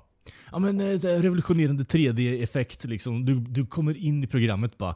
Eh, med hjälp av hjärn, hjärnskanning eller vad fan det är. Bara, jaha, hjärnskanning. Eh, har du några planer på det här? Bara, eh, nej, jag har gjort det eh, genom min, mitt eget eh, sinne. Liksom. Bara, ah, Okej, men eh, fixa fram lite planer, eh, kontakta min eh, sekreterare så kan vi se till om vi kan lösa den här och fixa ut några bugs och så vidare så att det inte blir på något sätt eh, förstör folks sinnen helt enkelt. Det, du har en bra produkt här. Jag, jag skulle gärna vilja kolla på den i alla fall. Bara, nej, det, det där funkar inte för mig. Vi behöver göra det nu. Bara, ja, men då kan jag inte säga ja till den här idén. så han får ju en out Jag, jag, tycker, jag tycker Bruce Wayne är väldigt eh, tillmötesgående ändå. Ja, det är han får- oerhört tillmötesgående. Han får ju en Ja. out där och Ja, potentiellt kunna göra sin produkt via Wayne Enterprises, men nej, nej, nej. nej. Jag måste ha ett svar nu. I need an answer now. ja, fan. Han är ju, ja. Han, kan, han ger ju han alltså chans att, få- men han, ja, han är för eager. Ja, De hade kunnat bli bra affärspartners, men eh, de, de, han sabbade. Han nej, var för eager det, beaver. ja, exakt. Han vill ju vara störst, bäst och vackrast och då kan man ju inte ta ett nej från Bruce Wayne liksom. Så han får ju det där psykbrytet, han eh, dödar den där eh, underchefen och börjar lämna gator till eh, Bruce Wayne. Alltså jag tycker det är så roligt när han ska, man får se den där videon hur han sk, typ skulle ha tagit livet av sig. Det, den är- den tycker jag är jävligt kul. Han bara springer och bara slänger... Det är så sk- skitroligt. Det, det jag inte förstod med det var det alltså att han typ hade klätt upp sig som den där och bara fake, eller hade han ändrat videon så Han att jag förstod ju inte riktigt vad som... massa photoshop-grejer så han har ju säkert videodoktorerat det där i efterhand. Ja, det, det fattade jag aldrig riktigt hur det där gick. ja, jag, jag tolkar det på, som Kalle där, att han har ändrat det i efterhand. Ja. Åtminstone. Jag tänker om han har reenactat det själv och bara står på hans kläder så ser det, fick det se ut som att han tog livet av. Ja, Det som är så det- bra det- är ju det att när han står där och har snyft historien bara, jag bara ah, eh, jag har jobbat ihop i två år, jag ska kunna se det här. Bara, här är hans, Ja det, här är hans eh, Ja, självmordsbrev liksom, det är hans exakt, eh, exakta handstil och så vidare på pricken, jag har kollat. Bara, eh, bara, Ja, ja precis. It matches his writing. The memories. Och så, ja. Jag, jag tycker om också att vi får eh, Commissioner Gordon, eller jag vet inte om han är Commissioner i den här filmen i ärlighetens namn, men Gordon där när han står med Bruce Wayne och eh, bara säger ah it's a clear cut suicide och så får de självmordsbrevet. Yep, it's suicide och så går de bara därifrån. Och så det är så obvious att det inte är suicide, alltså det är det som är så kul. Det är ju det mest självklara icke-självmordet någonsin. ja. Eh, Vad står det på lappen? Så här, Goodbye cruel world eller något sånt ja, det är någonting åt det hållet. Och det är ju Det är så här, återigen eh, påbyggnad av den här eh, tesen vi har haft inom de här filmerna nu att poliskåren i Gotham City är ganska dumma i huvudet rakt igenom faktiskt. Det är ju därför man aldrig ser dem trots att eh. Dub Two-Faces eh, henchmen har LED-ljus på sina vapen och ser ex- exakt likadana ut allihopa. Utför sina brott på, jag ser på att säga mitt i dagsljuset, men mitt i natten, men på liksom öppna platser och sånt där. Ja. Det, ja. Mm. Men, men eh, som sagt, vi, vi, eh, Edward Nygma börjar ju dela ut de här uh, gåtorna till Bruce Wayne och en av de absoluta favoritgrejerna och jag vet inte varför jag tycker om det så jävla mycket, men det är väl bara för att det är så jäkla bisarrt. Det är när han lämnar brevet på Wayne Manors grind och han cyklar. Alltså det, Men han kör ju moped. moped, vad fan det var. Men Han Alltså, kör en jävla fräsig moped alltså, det är säkert en push. jag älskar det där alltså, jag vet inte varför. Men om, av Jag någon tycker om anledning... gåtorna ändå han, han, han, Jag tycker om gåtorna som är med i filmen, jag tycker de är som välskrivna. Och det läser jag också som trivia, det, han- snubben som har skrivit gåtorna är en känd snubbe, han har gjort många så här korsord till New York Times. Will Short sedan. Ja. Det är han som har gjort gåtorna till i filmen. Vilket jag tyckte var intressant. Det läste jag nu alltså på IMDB Trivia-sidan. Mm. De, de, de, de, de tycker jag faktiskt eh, eh, om. Ja, men de är, de är lite små eh, underhållande ändå. Mm. De är... Och så där att var, var, de är gjorda varje gång att de ska typ dra dessa pop-up grejer, typ han öppnar och så bara kommer det upp någon jävla någon grejs. Typ. Ja, då kommer vi tillbaka coolt. till pop-up-böckerna som vi pratade om. Ja, exakt. också, Så det, Precis. nej, det, de är väldigt så här. eh, Det, det är mycket tid nedlagt på dem, så det, jag kan ändå respektera det på ett sätt också. Inte bara det skrivna ordet, utan de här pop-up eh, konstruktionerna och så vidare. Att man, man har Ja, Bruce Waynes på ansikte och sen så drar man upp den och sen så kommer det liksom bara två pop-out eyes och sen hans tunga som är två meter lång liksom. Ja, precis. When you look at the numbers on my face, you won't see the number 13 any place. Ja, vi- går vidare. Eh, ja, vad har vi? Vi har ju eh, eh, Chase som drar Alltså- igång eh, bat-signalen för att få... Hon använder det som en booty call. Ja, precis. Fan. Hon vill bara ha lite batdick. Det är ändå rätt bra för det, det är som att ringa 112 bara för att få kuk liksom. Ja. De, som, de som ringer till 112 som säger bara "Ö, jag vet inte hur man lagar gröt, kan ni hjälpa mig? Men han säger väl också the, the, the bat sig- it's not a beeper. Ja, precis. Precis. Hon, vill, hon är verkligen desperately wants that. Ja, jag säger ju det. Det, det är ju på ja. något sätt såhär bara, man vill ju göra en personlighetsanalys av kvinnan som vill knulla en man i lädermask liksom. Det, det, är, det, är, något, det är något djupt rotat med hennes far tror jag. Att det är Men- men- Men hon säger ju det bokstavligt talat, hon säger ju bokstavligt talat där, like, guy, like black rubber eller vad Exakt. Black Rubber skulle jag precis säga det. Det är ju typ Hon är ju första gången i filmerna som de faktiskt eh, erkänner att okej, det här är inte armor eller någonting åt det hållet, det är fan rubber. Ja. ja men hon är ju öppen med det, hon, hon, hon, hon, skym, alltså, hon döljer ju inte faktum att hon vill ha män, män i black rubber. Jag menar det är inget så här subtilt direkt. Nej, definitivt Black inte. Rubber. Definitivt inte. Det är också ro- roligt sen när hon, du det, första gången, eller Bruce Wayne han har du det, möte med hon och så, så hon vet du, det, tränar och så bryter, vet du, det, slår ner hennes jävla dörr. Vet du, för han tror att hon blir typ överfallen eller vad fan det är. På polisstationen. Va, nej, vad hon är, det är väl typ ett... eh, nej, hon är ju typ inne i... Så penthouse. Ja, precis, typ, penthouse. Det är på, poli, det är på typ. polisstationen. Är det det? Va? Ja, det är det. Det vet du, fan, det fick inte jag Nej, heller. det- Jag- jag- jag- fick inte jag. Å andra sidan grabbar, Gotham City Police Department är värdelösa, så absolut, det skulle definitivt kunna hända på polisstationen. Alltså om vi säger så här, det skulle inte förvåna mig om det där bara är en vanlig eh, bostadsbyggnad och så har de polisstationen där, för de är så incompetent så de får inte Ja. ens sin egen polisstation. De har bara hyrt in sig i typ första våningen av lägenheten och inrett det. Two-Face på andra våningen liksom, bara ner ett hål och kidnappar någon va. Precis.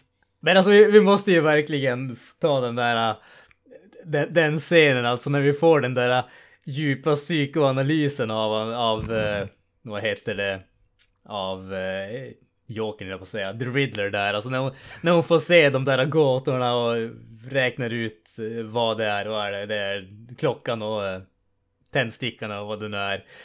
Och så, med, alltså, jag tycker om att två gåtor, alltså då, hon vet ingenting om vem det är som har lämnat dem. Hon vet ingenting om personligheten eller någonting sånt. Men hon vet tillräckligt mycket från två stycken gåtor att kunna avgöra att han är a homicidal wacko. Ja, men hon är jävligt bra på sitt Alltså jobb. hon är ju sjukt bra. Ja. Det hade varit intressant Ja. om filmen hade liksom visat hon hade fel eller någonting åt det hållet. Men nej, hon har verkligen 100% rätt också.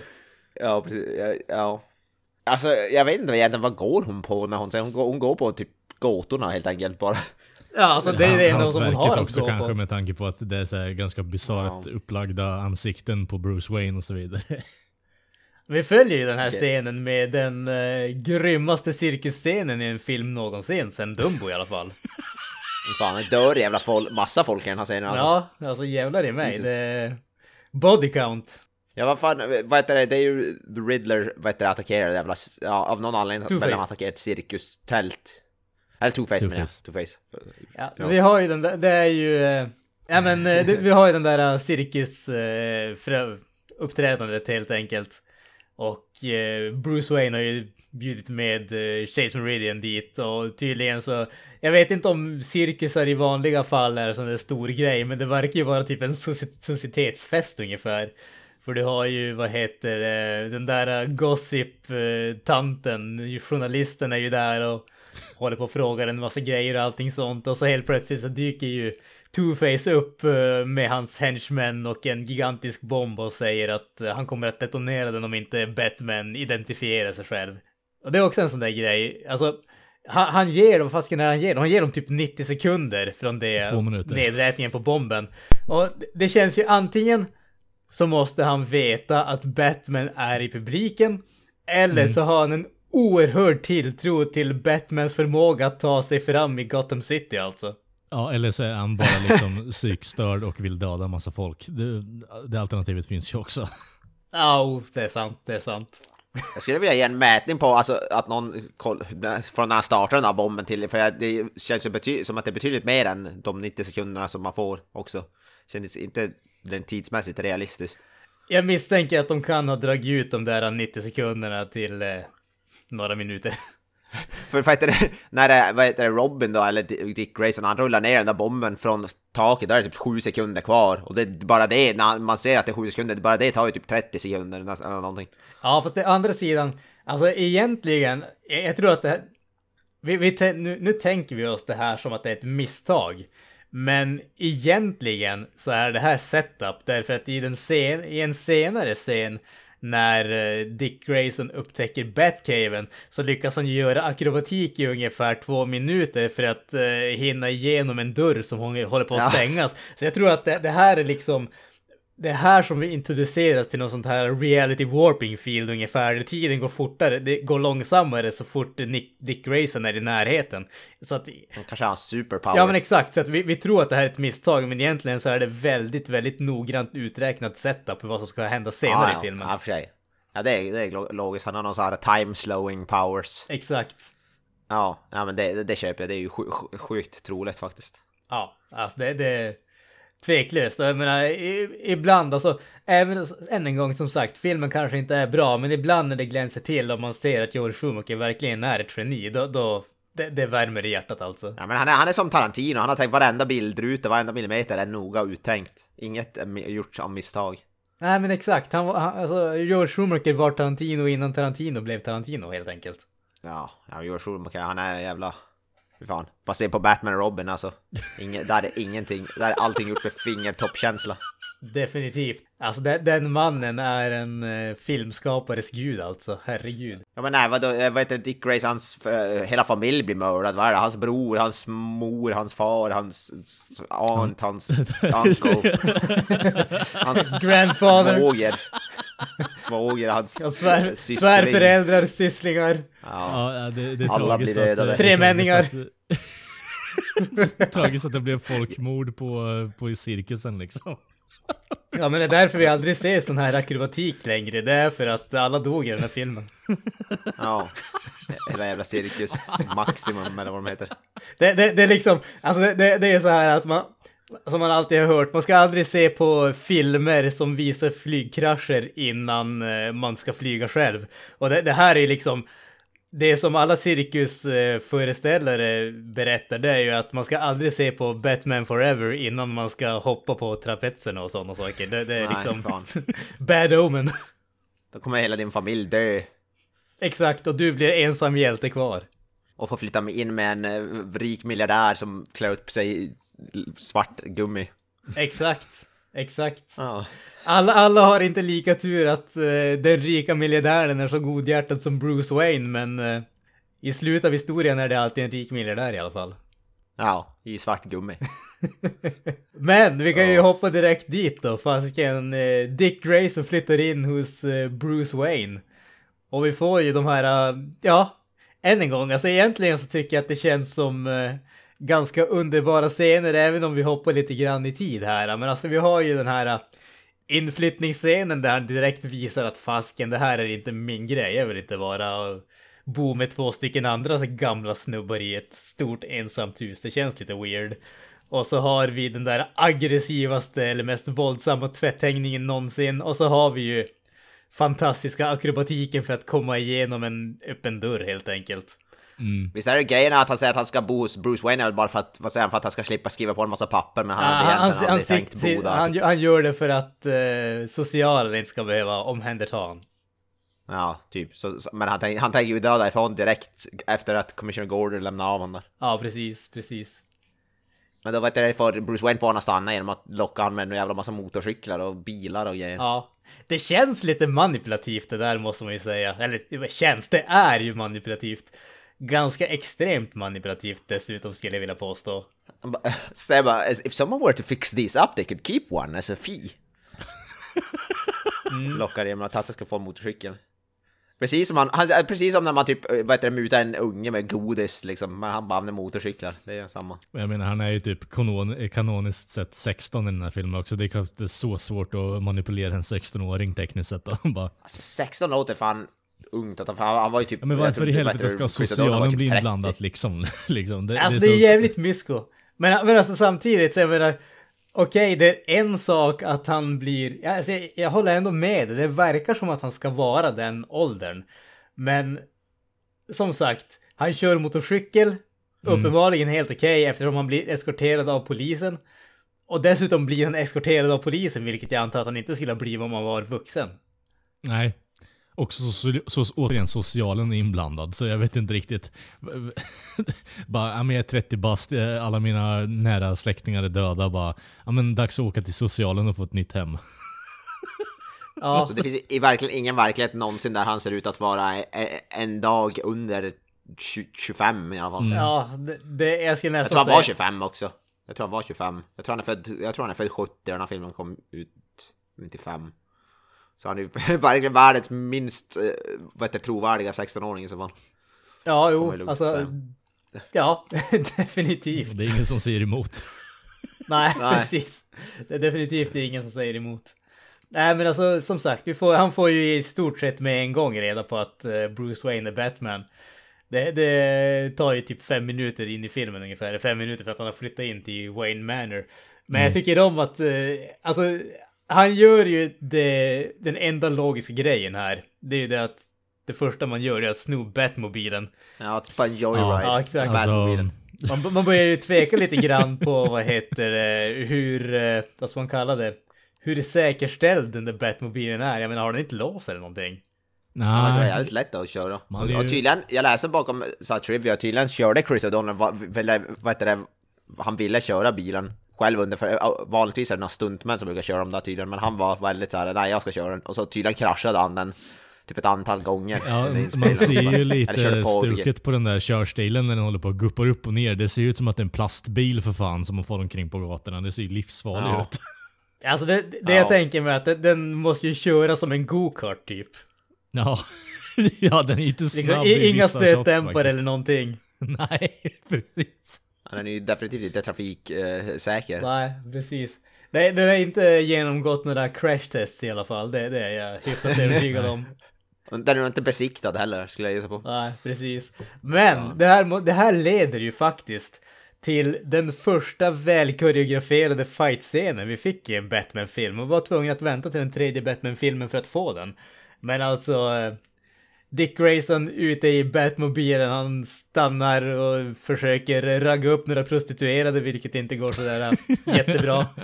Eh, li, lite udda, man skulle tänka att eh, fan, även om de är eh, liksom vad de är, de är ju pros liksom, fasiken. Uppenbarligen har ki- killen pengar, ni är inte intresserade.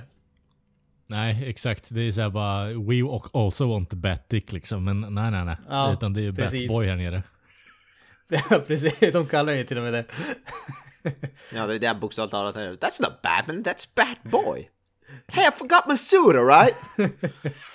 Lite underbart. Men han hör ju den där, han hör ju tjejen som antastas av de där äh, målade skurkarna skrika så han drar ju dit.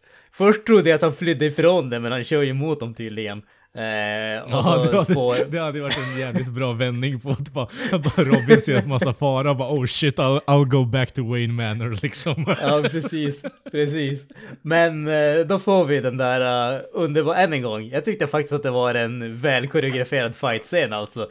Även om det inte är, det är inte ett mästerverk, det är inte The Raid eller någonting åt det hållet, men för att vara mitten av 90-talet så tycker jag ändå att den känns hyfsat uh, akrobatisk och sådär. Jag tyckte faktiskt om den. Det var Hela den betydligt bättre än någon annan ju- fight-scen i den där filmen.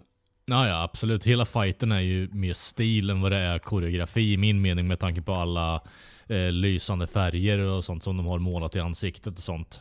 Och sen är ju fighten rätt bra också för den delen, så det är inte det. Men fighten är mer style, alltså stil än vad det är eh, koreografi i min mening i alla fall. Visuell stil menar du alltså? Ja, exakt. Det var John Wick innan John Wick, Avoya. Så är det. Det, det är liksom bara Ja, den här duvan från John Woo som saknas i bakgrunden.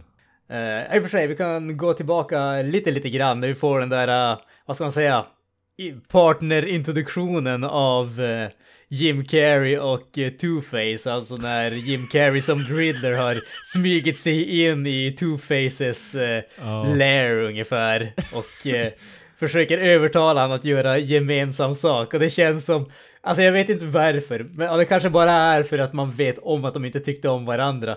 Men det känns som direkt man ser de två i närheten av varandra känns det bara som att alltså jag tycker inte om dig, jag ska överspela mer än dig och att båda hade exakt samma tanke.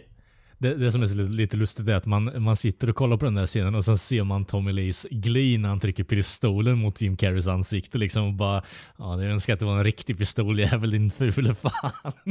Ja, alltså det, det är... eh, Ja, Det, det är så Alltså, mycket det- hat. Ja, men precis. Det, det, det är oerhört mycket hat. Och den här, den här scenen har ju en av de tveksammaste gåtorna någonsin skulle jag våga påstå. Åtminstone enligt vad Riddler säger. Därför att han säger eh, liksom I'll help you with the greatest riddle of all. The mother of all riddles. Who Ja, is det. Batman? Va? What? Ja, det är ju kanske den min- minst, det är ju den mest självklara gåtan, alltså den mest obvious. Ja, Det är, alltså det, det, för, det är ju en fråga för fan. Ja, precis, ja, exakt. Det är en fråga och inte en gåta. Men, men bara det där att det skulle vara liksom the mother of all riddles. Liksom, kom igen. Li, lite, li, lite självdistans måste vi ha här. Dessutom så kräver det typ, vad tar det, tre scener till innan de har listat ut vem som är Batman dessutom. Mm, ja. Och det är bara för att de har typ läst Bruce Waynes tankar och säger att han tänker på fladdermöss och så bara okej, det måste ju vara Batman. Alltså det, det, det här känns... Jävla dumt. Ja men precis, här, där känns det lite grann som att filmskaparna missade en grej. De skulle ha gjort så att, vad heter det, de hade läst Chase Meridians tankar, så hon, hade hon tänkt på fladdermöss hela tiden, så hade de trott att hon var Batman. Det hade ju varit så jävla Ja, mycket bättre. Ja. Hon hade läst hennes tankar hade bara fått se massa svart gummi. Så det hade inte gått så bra. Ja, hur fasiken. Ja, vi kan ju hoppa direkt till, vad heter det, festscenen där, om man säger. Det, det är ju i stort sett ett release party för, eh, för vad heter det, Edward Nigmas Eh, eh, för- presentationsdel som man sätter på tvn som man suger intelligensen ur hjärnorna på folk i Gotham. Ja, precis. Ja, precis. Precis. Och han presenterar det som att, vad, vad, det, vad är det han säger? För han ska ju använda det för att få all, för att få all intelligens i världen typ. Ja, precis. Men han presenterar det som att folk ska kunna typ eh, ha vakendrömmar nästan, lite, lite grann kunna, vad heter det, vara en, leva i en slags paradisvärld genom att man får typ se vad det man vill eller vad fan det är. Ja men precis, exakt så. Och han, istället så typ suger han ut deras intelligens eller någonting åt det hållet. den, den här grejen har ju en av de absolut, för, förvånansvärt nog, har den en av de mest subtila skämten i hela filmen, men någonting som jag faktiskt tyckte var, jag tyckte att det var oerhört kul. Är det när han Eh, håller på att kopiera okej. Bruce Wayne ner till eh, alltså Ner till the mole. ja, men ner, till nivån när han frågar tjejen bara How's my mole? Oh, it's good. alltså jag började gapskratta där. Det var så jävla bra. Det var Ja, så det var jävla bra. Det är Alltså. det där random också. How's my? Ja, ja, ja, men exakt. Och så var det så. Alltså det är typ den enda gången i filmen där det faktiskt finns någon sorts subtilitet också, därför att det sägs inte rakt ut vad han försöker göra. Ja, rent visuellt. De, de har ju en eh, interaktion med han och Bruce Wayne där. Då går de ju liksom shot for shot tillbaka till eh, varandra och eh, om Bruce tar av sig glasögonen så tar han av sig glasögonen på precis samma sätt fast spegelvänt. Så, så det är så här, han försöker ju på något sätt ta över Bruce Wayne liksom. Han har ju fortfarande kvar det här obsessivenessen eh, kring människan. Så det, ja, det är en snygg scen är det. Väldigt Ja, ja men det är ju som något sånt där att från, från bör, i början av filmen så tänkte han att vi är likadana. Och Mm. nu tänker han att jag kommer att vara en bättre Bruce Wayne än Bruce Wayne är ungefär. Precis. Och så kraschar ju, vad heter det, Two-Face eh, kraschar partyt. Och eh, Nigma springer till honom. Vad fan håller du på med? Och Two-Face bara, Han är för seg. jag blev trött på att vänta. Det tog för lång tid. För det, det tyckte jag, det jag ty- tyckte om där är när sen när Batman kommer och han bara eh, Your entrance was good, his was better. Det tyckte jag var jävligt bra. Jag tycker det är en väldigt snygg We nod could have till... pre-sold the eh, movie rights. Ja. We could have planned it, could have pre-sold the movie rights. I was tired of waiting. You're, you're too slow. Ja, det, det är en sån snygg nod där i fight-scenen också. Eh, jag vill bara hoppa fram lite där. Eh, till eh, den här jävla knivscenen i eh, Batman. när han slåss mot någon av Jokerns goons liksom i klocktornet där. som vi pissar på. Mm. Yes, Eh, vi får karatesparken. Ja precis, och så blir det så här, eh, det blir lite Indiana Jones-stuk eh, i antiklimax där att han bara håller på att slicea fram och tillbaka och sen så får han en spark med hälen i näsan bara liksom och så tuppar av. Väldigt nice, väldigt nice. Ja. Two-Face flyr givetvis när Batman kommer dit. Men han lyckas ju lura ner Batman i typ någon sån där, jag vet inte vad jag ska kalla det, en sån där typ eh, trattaktig sak som du åker igenom helt enkelt för att föra han till någonstans. Och han vi kör ner han i typ ett, under ett hus ungefär. Så man fyller med gas och så får vi den bästa one-linen i hela filmen. Nothing like a bad case of glass. Ja, just det. Alltså, det, ja, nej, det, det finns lite bättre one-liners framöver men Bad case of gas. Jag tyckte den var rätt underbar men okej, det är bara jag det. ja, nej, nej. Fi- Fishumor är fortfarande min grej, trots att Ja, jag är ja, 35 det, jag år. tänker inte ta det, din ungdomliga aura ifrån dig Granström men eh, vissa av oss har gått vidare i komedin och eh, drar sexskämt istället liksom. Det, Uh, perpetually five years old. ja men det är bra. Det är bra. Kiss och bajs humor alltså. Fy fan. Absolut, absolut, det är min grej. Ja, men det är bra. Det är bra, grejer. det är bra skit höll jag på att säga. Exakt. Oh, Jesus. Nu är jag tillbaka på eran nivå igen. Ja, det är Jag- jag bra. Visst känner du det hemma, äntligen? Jag menar, Ja, du har ju alltid varit på Ja, vår nivå. Och, om mig. ens det så har det varit under vår nivå i alla fall. Så det, det, det här med att du försöker ta the high road nu är lite out of character kan jag tycka faktiskt. Ja, precis. ja, men nu är jag nu bryter ner mig så nu är jag tillbaka igen. Precis. Batman, f- vad heter det, Two-Face skjuter ett, eh, vad heter det, bazooka typ och spränger stället. Och eh, Batman hamnar under en massa bråte och skit. Men han räddas i sista sekund, sekunden av Dick Grayson iförd uh, Flying Graysons kostym igen. Oh. Uh, alltså där kände man att hjärtat tog ett skutt. Han hade tidigare i filmen sagt att kasta bort den till Alfred. Kasta bort den, jag kommer inte att behöva den igen. Och Alfred säger bara att uh, vi lägger den här borta. Man vet aldrig vad som kommer att hända. Och han hade rätt för han skulle ju givetvis rädda Batman senare. Nej. Nästan som att det var foreshadowing. Ja, precis. Alltså det känns som att Joel Schumacher är en master of foreshadowing alltså. Det är nästan vill som bara- att han visste vad som skulle hända oväntat, senare alltså. i filmen. Det finns en grej jag vill gå tillbaka till alltså- eh, i uh, festscenen där grabbar bara. Uh, gällande- absolut. Alltså, eh, vi har ju snackat så jävla mycket om de, dessa side bitches här nu som Two-Face har innan det här avsnittet blev av nu. Eh, Men jag vill ge en liten nod till Drew Barrymores karaktär där, för alltså på den här festscenen så blir det så här bara Varför är inte du lika snygg som honom för? När han står bredvid Edward Nigma. Och det kulminerar ju till att Bruce Wayne kommer fram och introducerar sig bara, "Ah, trevligt att träffas bara, vad, vad heter du då? Bara, du kan kalla mig precis vad du vill liksom. Jag, ty- jag tycker, ja, där har vi också den där äh, speglingen till vad heter äh, Bruce Wayne när äh, Nigma försöker göra samma sak med Chase Meridian och hon är inte alls intresserad av honom. Nej precis. Det är endast senare. Det blir ändring på det. Ja, precis, precis. Men de lyckas ju, eh, vad heter det, Batman lyckas ju lista ut vem, nej fasken, vi har ju det där äh, innan, just det, fasken, det har vi till och med. Herregud, nu är jag helt borta. Eh, ja men herregud, Batman, Bruce Wayne bjuder ju in eh, Chase till, eh, vad heter det, Wayne Manor och eh, båda säger att de har någonting viktigt att eh, berätta för varann och eh, ingen eh, kommer speciellt lång, långt innan de börjar hångla och hon inser ju att fan snubben är ju Batman för de kysser likadant. Man ser, Ja, och jag menar, hon- hon känner igen det på läpparna typ, eller på, på sättet han bara... Oj, så, oj, just det. Tungan smakar likadant. man ser verkligen glädjen på henne att hon både får ha kakan och äta den också liksom på något Ja, sätt. Ja, precis. Alltså, jag, tänker, jag måste erkänna att även om det... Alltså man får säga vad man vill, men jag tyckte ändå om det. Alltså, jag tycker bara om den här grejen att vi behöver inte ha en stor I am Batman-scen heller. Alltså, det, det känns han, ändå eh, lite... Vi har ju massa misslyckade sådana scener, men det här är ju ändå på något sätt, det är en snygg, subtil, eh, alltså Wink, hon gör ändå ett bra jobb på den scenen, absolut. Eh, För, för det är väldigt Mm. uppenbart vad hon förmedlar, att när hon blir så upp, eh, exalterad och bara oh shit, du är han.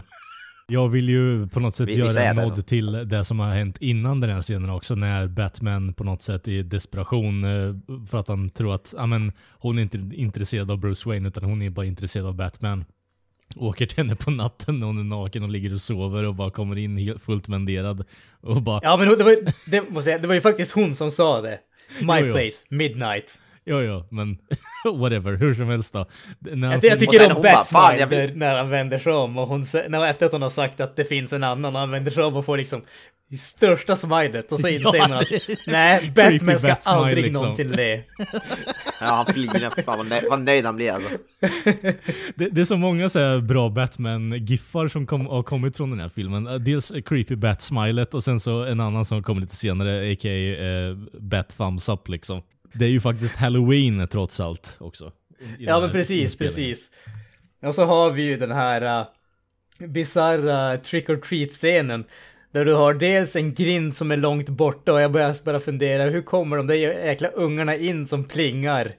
Vad heter det? Som plingar och så kollar Alfred ut genom nyckelhålet för att se att det är en massa ungar och så ger han dem barn, ger dem godis och skickar iväg dem. Och sen kommer eh, Two-Face och Riddler i sådana där eh, Halloween-masker och säger trick or treat! Och sen så knockar de Alfred och beger sig in i, vad heter det, stället. Och av någon anledning, jag är inte riktigt säker på varför i ärlighetens namn, så lyckas eh, Riddler övertala Two-Face att han inte ska döda Batman. Alltså det är typ allting, allt han vill är att döda Batman och nu har han äntligen fått reda på vem som Batman är och Riddler säger i stort sett If you kill him, he can't learn. Och liksom jaha? Men, men varför? Det, det, Varför är, allt han vill är ju att ja, döda det, Batman. det är inte så att Two-Face bryr sig om att han ska lära sig någonting direkt eller? Det känns Nej. konstigt. Ja, det, det verkar ju så i just den här scenen, men aldrig annars. Ja, nej alltså det, det som är så lustigt med den här uppbyggnaden är att han han har ju något så konstigt jävla fetischaktigt lagt till sitt jävla mynt där. Eh, så han håller ju på och flippar det om och om igen och får fel sida bara för att han inte ska skjuta honom liksom. Och sen så får han det på, på, på, på något jävla vänster och sen så skjuter han honom, eh, alltså, alltså snuddar honom i pannbenet där. Och ska liksom Ja, korsavrätta honom där nere vid trappan bara. Och så kommer gåtan bara, nej nej nej, han dödar honom inte, då lär han sig ingenting bara. Nej, vad fan bryr jag mig om det för? Ja, vad fan. det var chans att döda honom, men nej. Ska han lära sig nå- någonting som är Ah, ja, eh, oväsentligt. Gotta build up to the eh, end scene I guess bara. Det är väl Ja, fast, ja exakt. Fast en sak, här, här känner jag att vi måste ju ändå ta upp det. Bara för att jag kommer ihåg Att jag älskade det när jag var liten, då tyckte jag att det var jävligt kul och nu hatar jag det för det är så mycket Jim Carrey som det bara kan bli. Och det är ju med gåtan i Batcave när han håller på att kasta de där bomberna och Ja. gör typ en, Vet vad ska man kalla det, en Jag- baseball-sketch i stort sett. Ja, jag kan, jag kan faktiskt skriva under på det. Det där var en scen som man verkligen tyckte om när man var eh, mindre, för det var jävla coolt liksom. Han bara flamsade omkring och kastade bomber. Nu, eh, nej, nej. Det, det, Ja, alltså. Det, det här mycket. för mig var ju typ höjden av cringe i den här filmen. Jag, Ja. jag satt nästan bara och skämdes där. Alltså, åh. ja, jag håller med. Det är ju inte, det- alltså det känns inte som Riddler, det är möjligtvis kanske mer åt Joker-hållet eller, Mm. eller Two-Face, men Rid, det känns inte som en Riddler är inte en sån där som ska gå och kasta bomber och grejer. Alltså det, Han ska, han ska lämna gåtor och vara lite sådär mystisk. Ja men precis, ja men det, det är det som det, den här filmen har ju gjort Riddler, alltså Riddler i den här filmen är ju i stort sett bara en komisk karaktär. Han är liksom, han är psykstörd och det är allt du behöver veta om honom ungefär. Det finns ju inte så mycket, det är inte så mycket karaktär till honom egentligen. Det ska ju vara lite mer fällaktigt när det kommer till gåtan i min mening i alla fall. Men Ja. det här är ju liksom bara destruktion. Det är ju verkligen jokern all over the place. Ja men precis, exakt. Men efter det här, efter att de har, det, det slutar ju med att eh, Jokern och, eh, Jokern, Riddler och eh, Two-Face, de eh, kidnappar eh, Chase och lämnar eh, en gåta för eh, precis bredvid Bruce Wayne, den ligger avsvimmad på, på trappen. De lyckas, han och Alfred tillsammans lyckas lista ut att Edward Nigma är, är The Riddler. Riddler.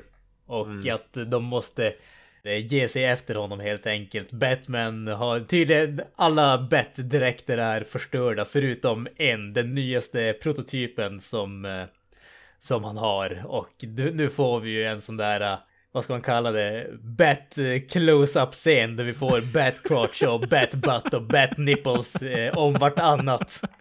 Ja, och så sen fan. så får, och sen så eh, kommer Robin och säger att eh, Batman frågar liksom Alfred, ska jag fara in vid, på vattnet eller i luften?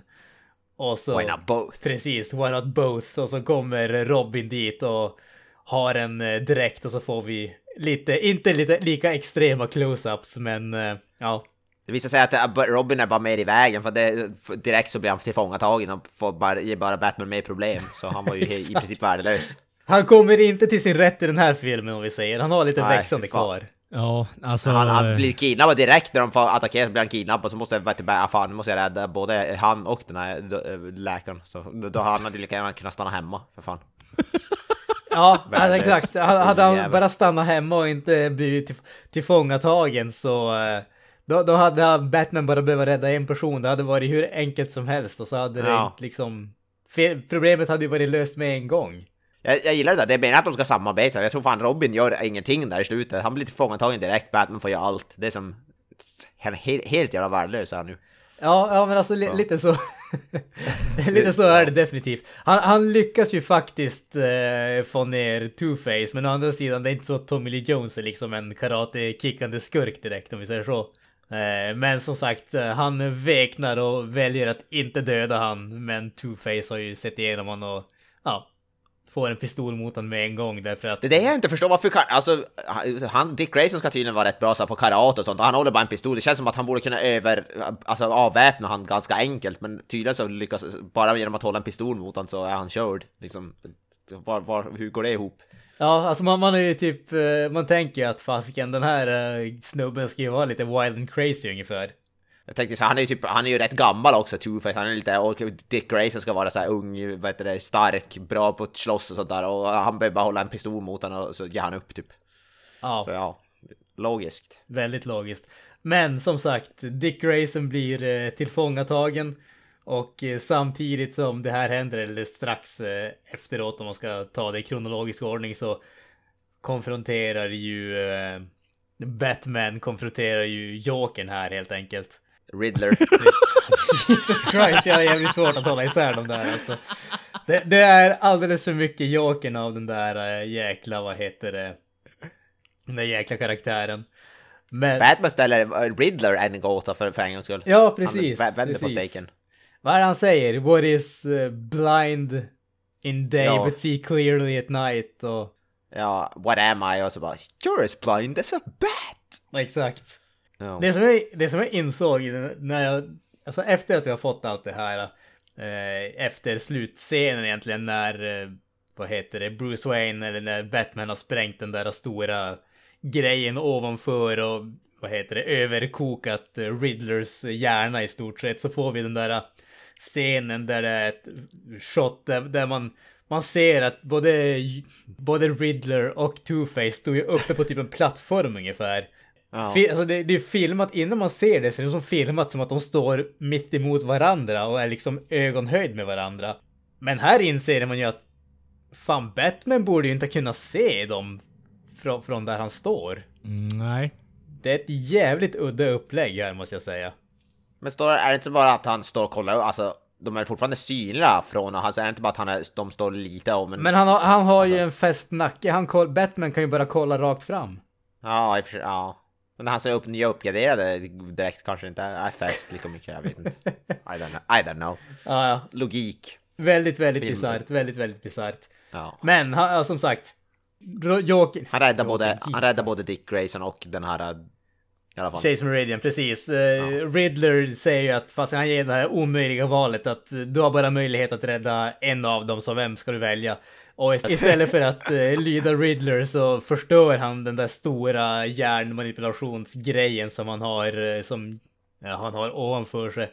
Och eh, kokar eh, Riddlers hjärna och båda två faller ner, men då hoppar han efter dem helt enkelt och använder sitt eh, gadget belt, utility belt, eh, för att eh, rädda både eh, Chase Meridian och Robin helt enkelt. Och kravlar sig upp och där stöter de ju på Two-Face för en sista gång.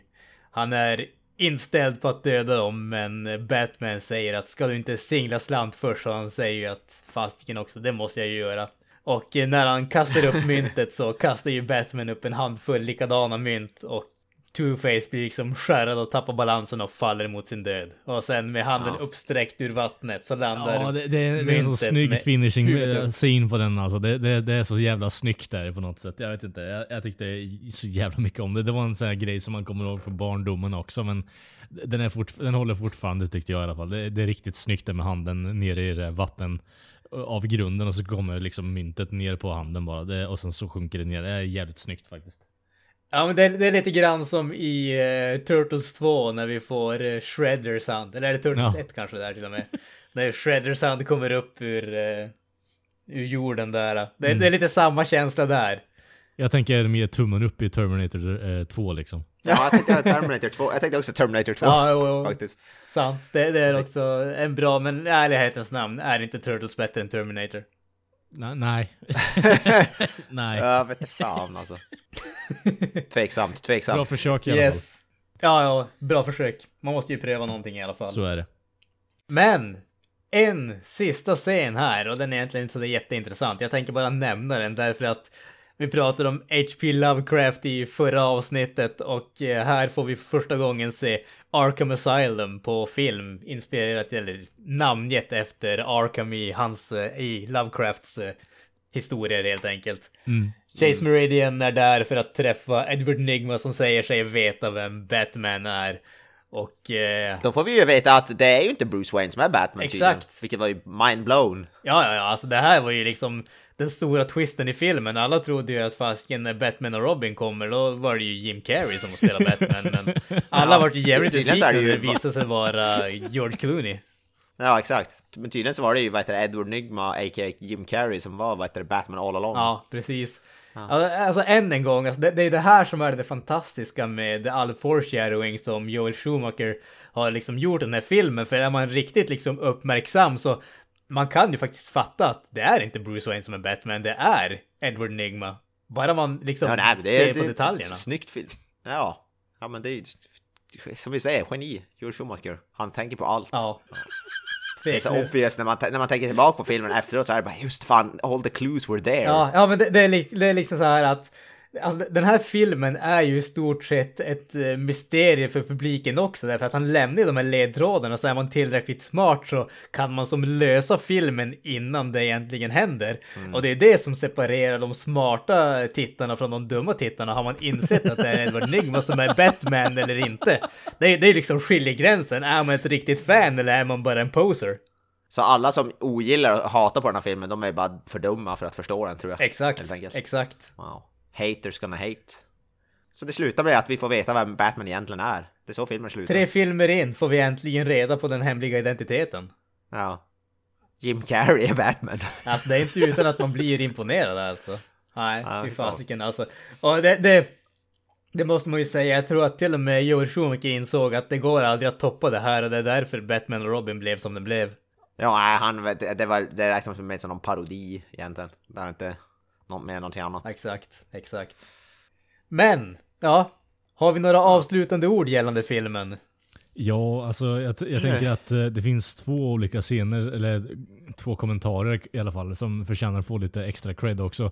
Den här jävla battleship-scenen också, när de håller på att ta sig in till eh, ön, är så jävla bra. You sunk Det my är så jävla bra, fast det, det är ju liksom, det, det är ju en jokerscen egentligen. Jag är ledsen alltså, men det är en jokerscen egentligen. Och sen har du ju den här eh, Ja, den är... underbara nodden Den till var bra. 60-tals Robin bara Milda metaller Batman! Holy rusted metal Batman! Bara, och så, men sen säger han väl bara "There- are holes right here. Eller något sånt där. Holes everywhere! Ja. Och Val Kilmer står bredvid och bara uh, okej, eh, gå vidare med scenen, vidare med scenen, fort nu, fort nu. Ja, avslutande ord. Alltså jag måste än en gång, fantastisk film. Har man mot förmodan inte sett den här filmen så måste man ju ändå se den. Alltså, som sagt, jag ska inte säga att det är en bra film, men underhållningsvärdet är skyhögt. Det är, ja, det här är, alltså har du en tråkig helg eh, och säg en så här 30-40 spänn över, fan slå till då. Du får ett gott skratt liksom, det, det är två timmar un, ren Alltså, underhållning bara. Till skillnad från Batman Robin finns det ju ändå något tillstymmelse till kvalitativt filmskapande tycker jag också i den Ja, här. absolut. Batman Robin är ju bara Ja, slott det lilla grejer jag rakt kommer igenom. ihåg Den här har ju ändå Robin i alla fall, det, det är ett tag sedan jag såg den filmen, men eh, sist jag kollade på den så var det ju bara pure slock och det var liksom sådär, den här ultimata gränsen där det slår över till bara, okej det här är bara dåligt liksom, det här är inte ens underhållande. ja. Den här har ju faktiskt en rent kvalitativt underhållning Mm. på, alltså, många sätt. Ja, jag tycker den är sjukt, sjukt ro- rolig, sjukt underhållande. Mm, Eh, Så ja, solklar rekommendation. Yes. Jag vet inte, att, alltså på många, på många sätt tycker jag nästan den här är mer underhållande än vad heter det, i alla fall Tim Burtons första Batman. Att den inte, sen inte kanske är bättre, men rent underhållningsmässigt tycker jag nästan den är mer underhållande. Ja, ja. På många sätt. Alltså vi, Sen vi kom väl som alla fram till att vi film. tyckte att första Batman-filmen var ganska överskattad. Mm, jo, så var Jag var inte med, jag tror inte jag var med på, i det, jag var med på Batman Returns, men inte just där. Men alltså den är, den är, den är okej. Ja, Batman Returns är en betydligt mycket bättre film än första Batman tycker jag. Och den här tycker jag Batman Forever är nog fan mer underhållande än Tim Burtons första Batman också. Ja, nej, Tim Burtons andra film står ju av, i översta skiktet än så länge av de här tre från 90 Ja, ja, det är den 80-90-talet bästa av de här fyra filmerna. Ja, ja, ja. Men jag tror ändå Batman Forever är nog ändå alltså, god tvåa skulle jag nog placera fast på, om jag ska ranka dem. Ja, men jag kan nog hålla med initiellt i alla fall. Eh, För Batman eh, från 89 där, är, d- den, den har några stunder men alltså den är ju rakt igenom väldigt eh, bristande i och med att Vicky Vale är en stor del av filmen och att eh, Jokern får väldigt eh, lite scener att hålla på med. Det är ju rent kvalitativt är det ju en mycket mer välgjord, eh, hantverksmässigt, Mm. mer välgjord film, men den är ändå tråkigare på något sätt. Jag vet inte. Ja, nej, det är svårt att förklara. Yes. Ja, ja. Med det sagt, Yes, men- vi kastar av oss våra gummidräkter och hänger in dem i våran Batcave till eh, nästa gång vi tar oss an Batman i Batman och Robin. Yes. Men till dess eh, önskar vi alla lyssnare att ni har ett eh, bra liv, bra tider, allt som sådant. Ni hittar oss på createmelt.wordpress.com. Vi har även våran superlänk linktree forward slash creative meltdown podcast där ni hittar länkar till alla våra andra plattformar. Har ni några avslutande ord grabbar? Peace out. Piss out. Peace out. Ja. Och jag säger Hail Schumacher. That's it, man. Game over, man.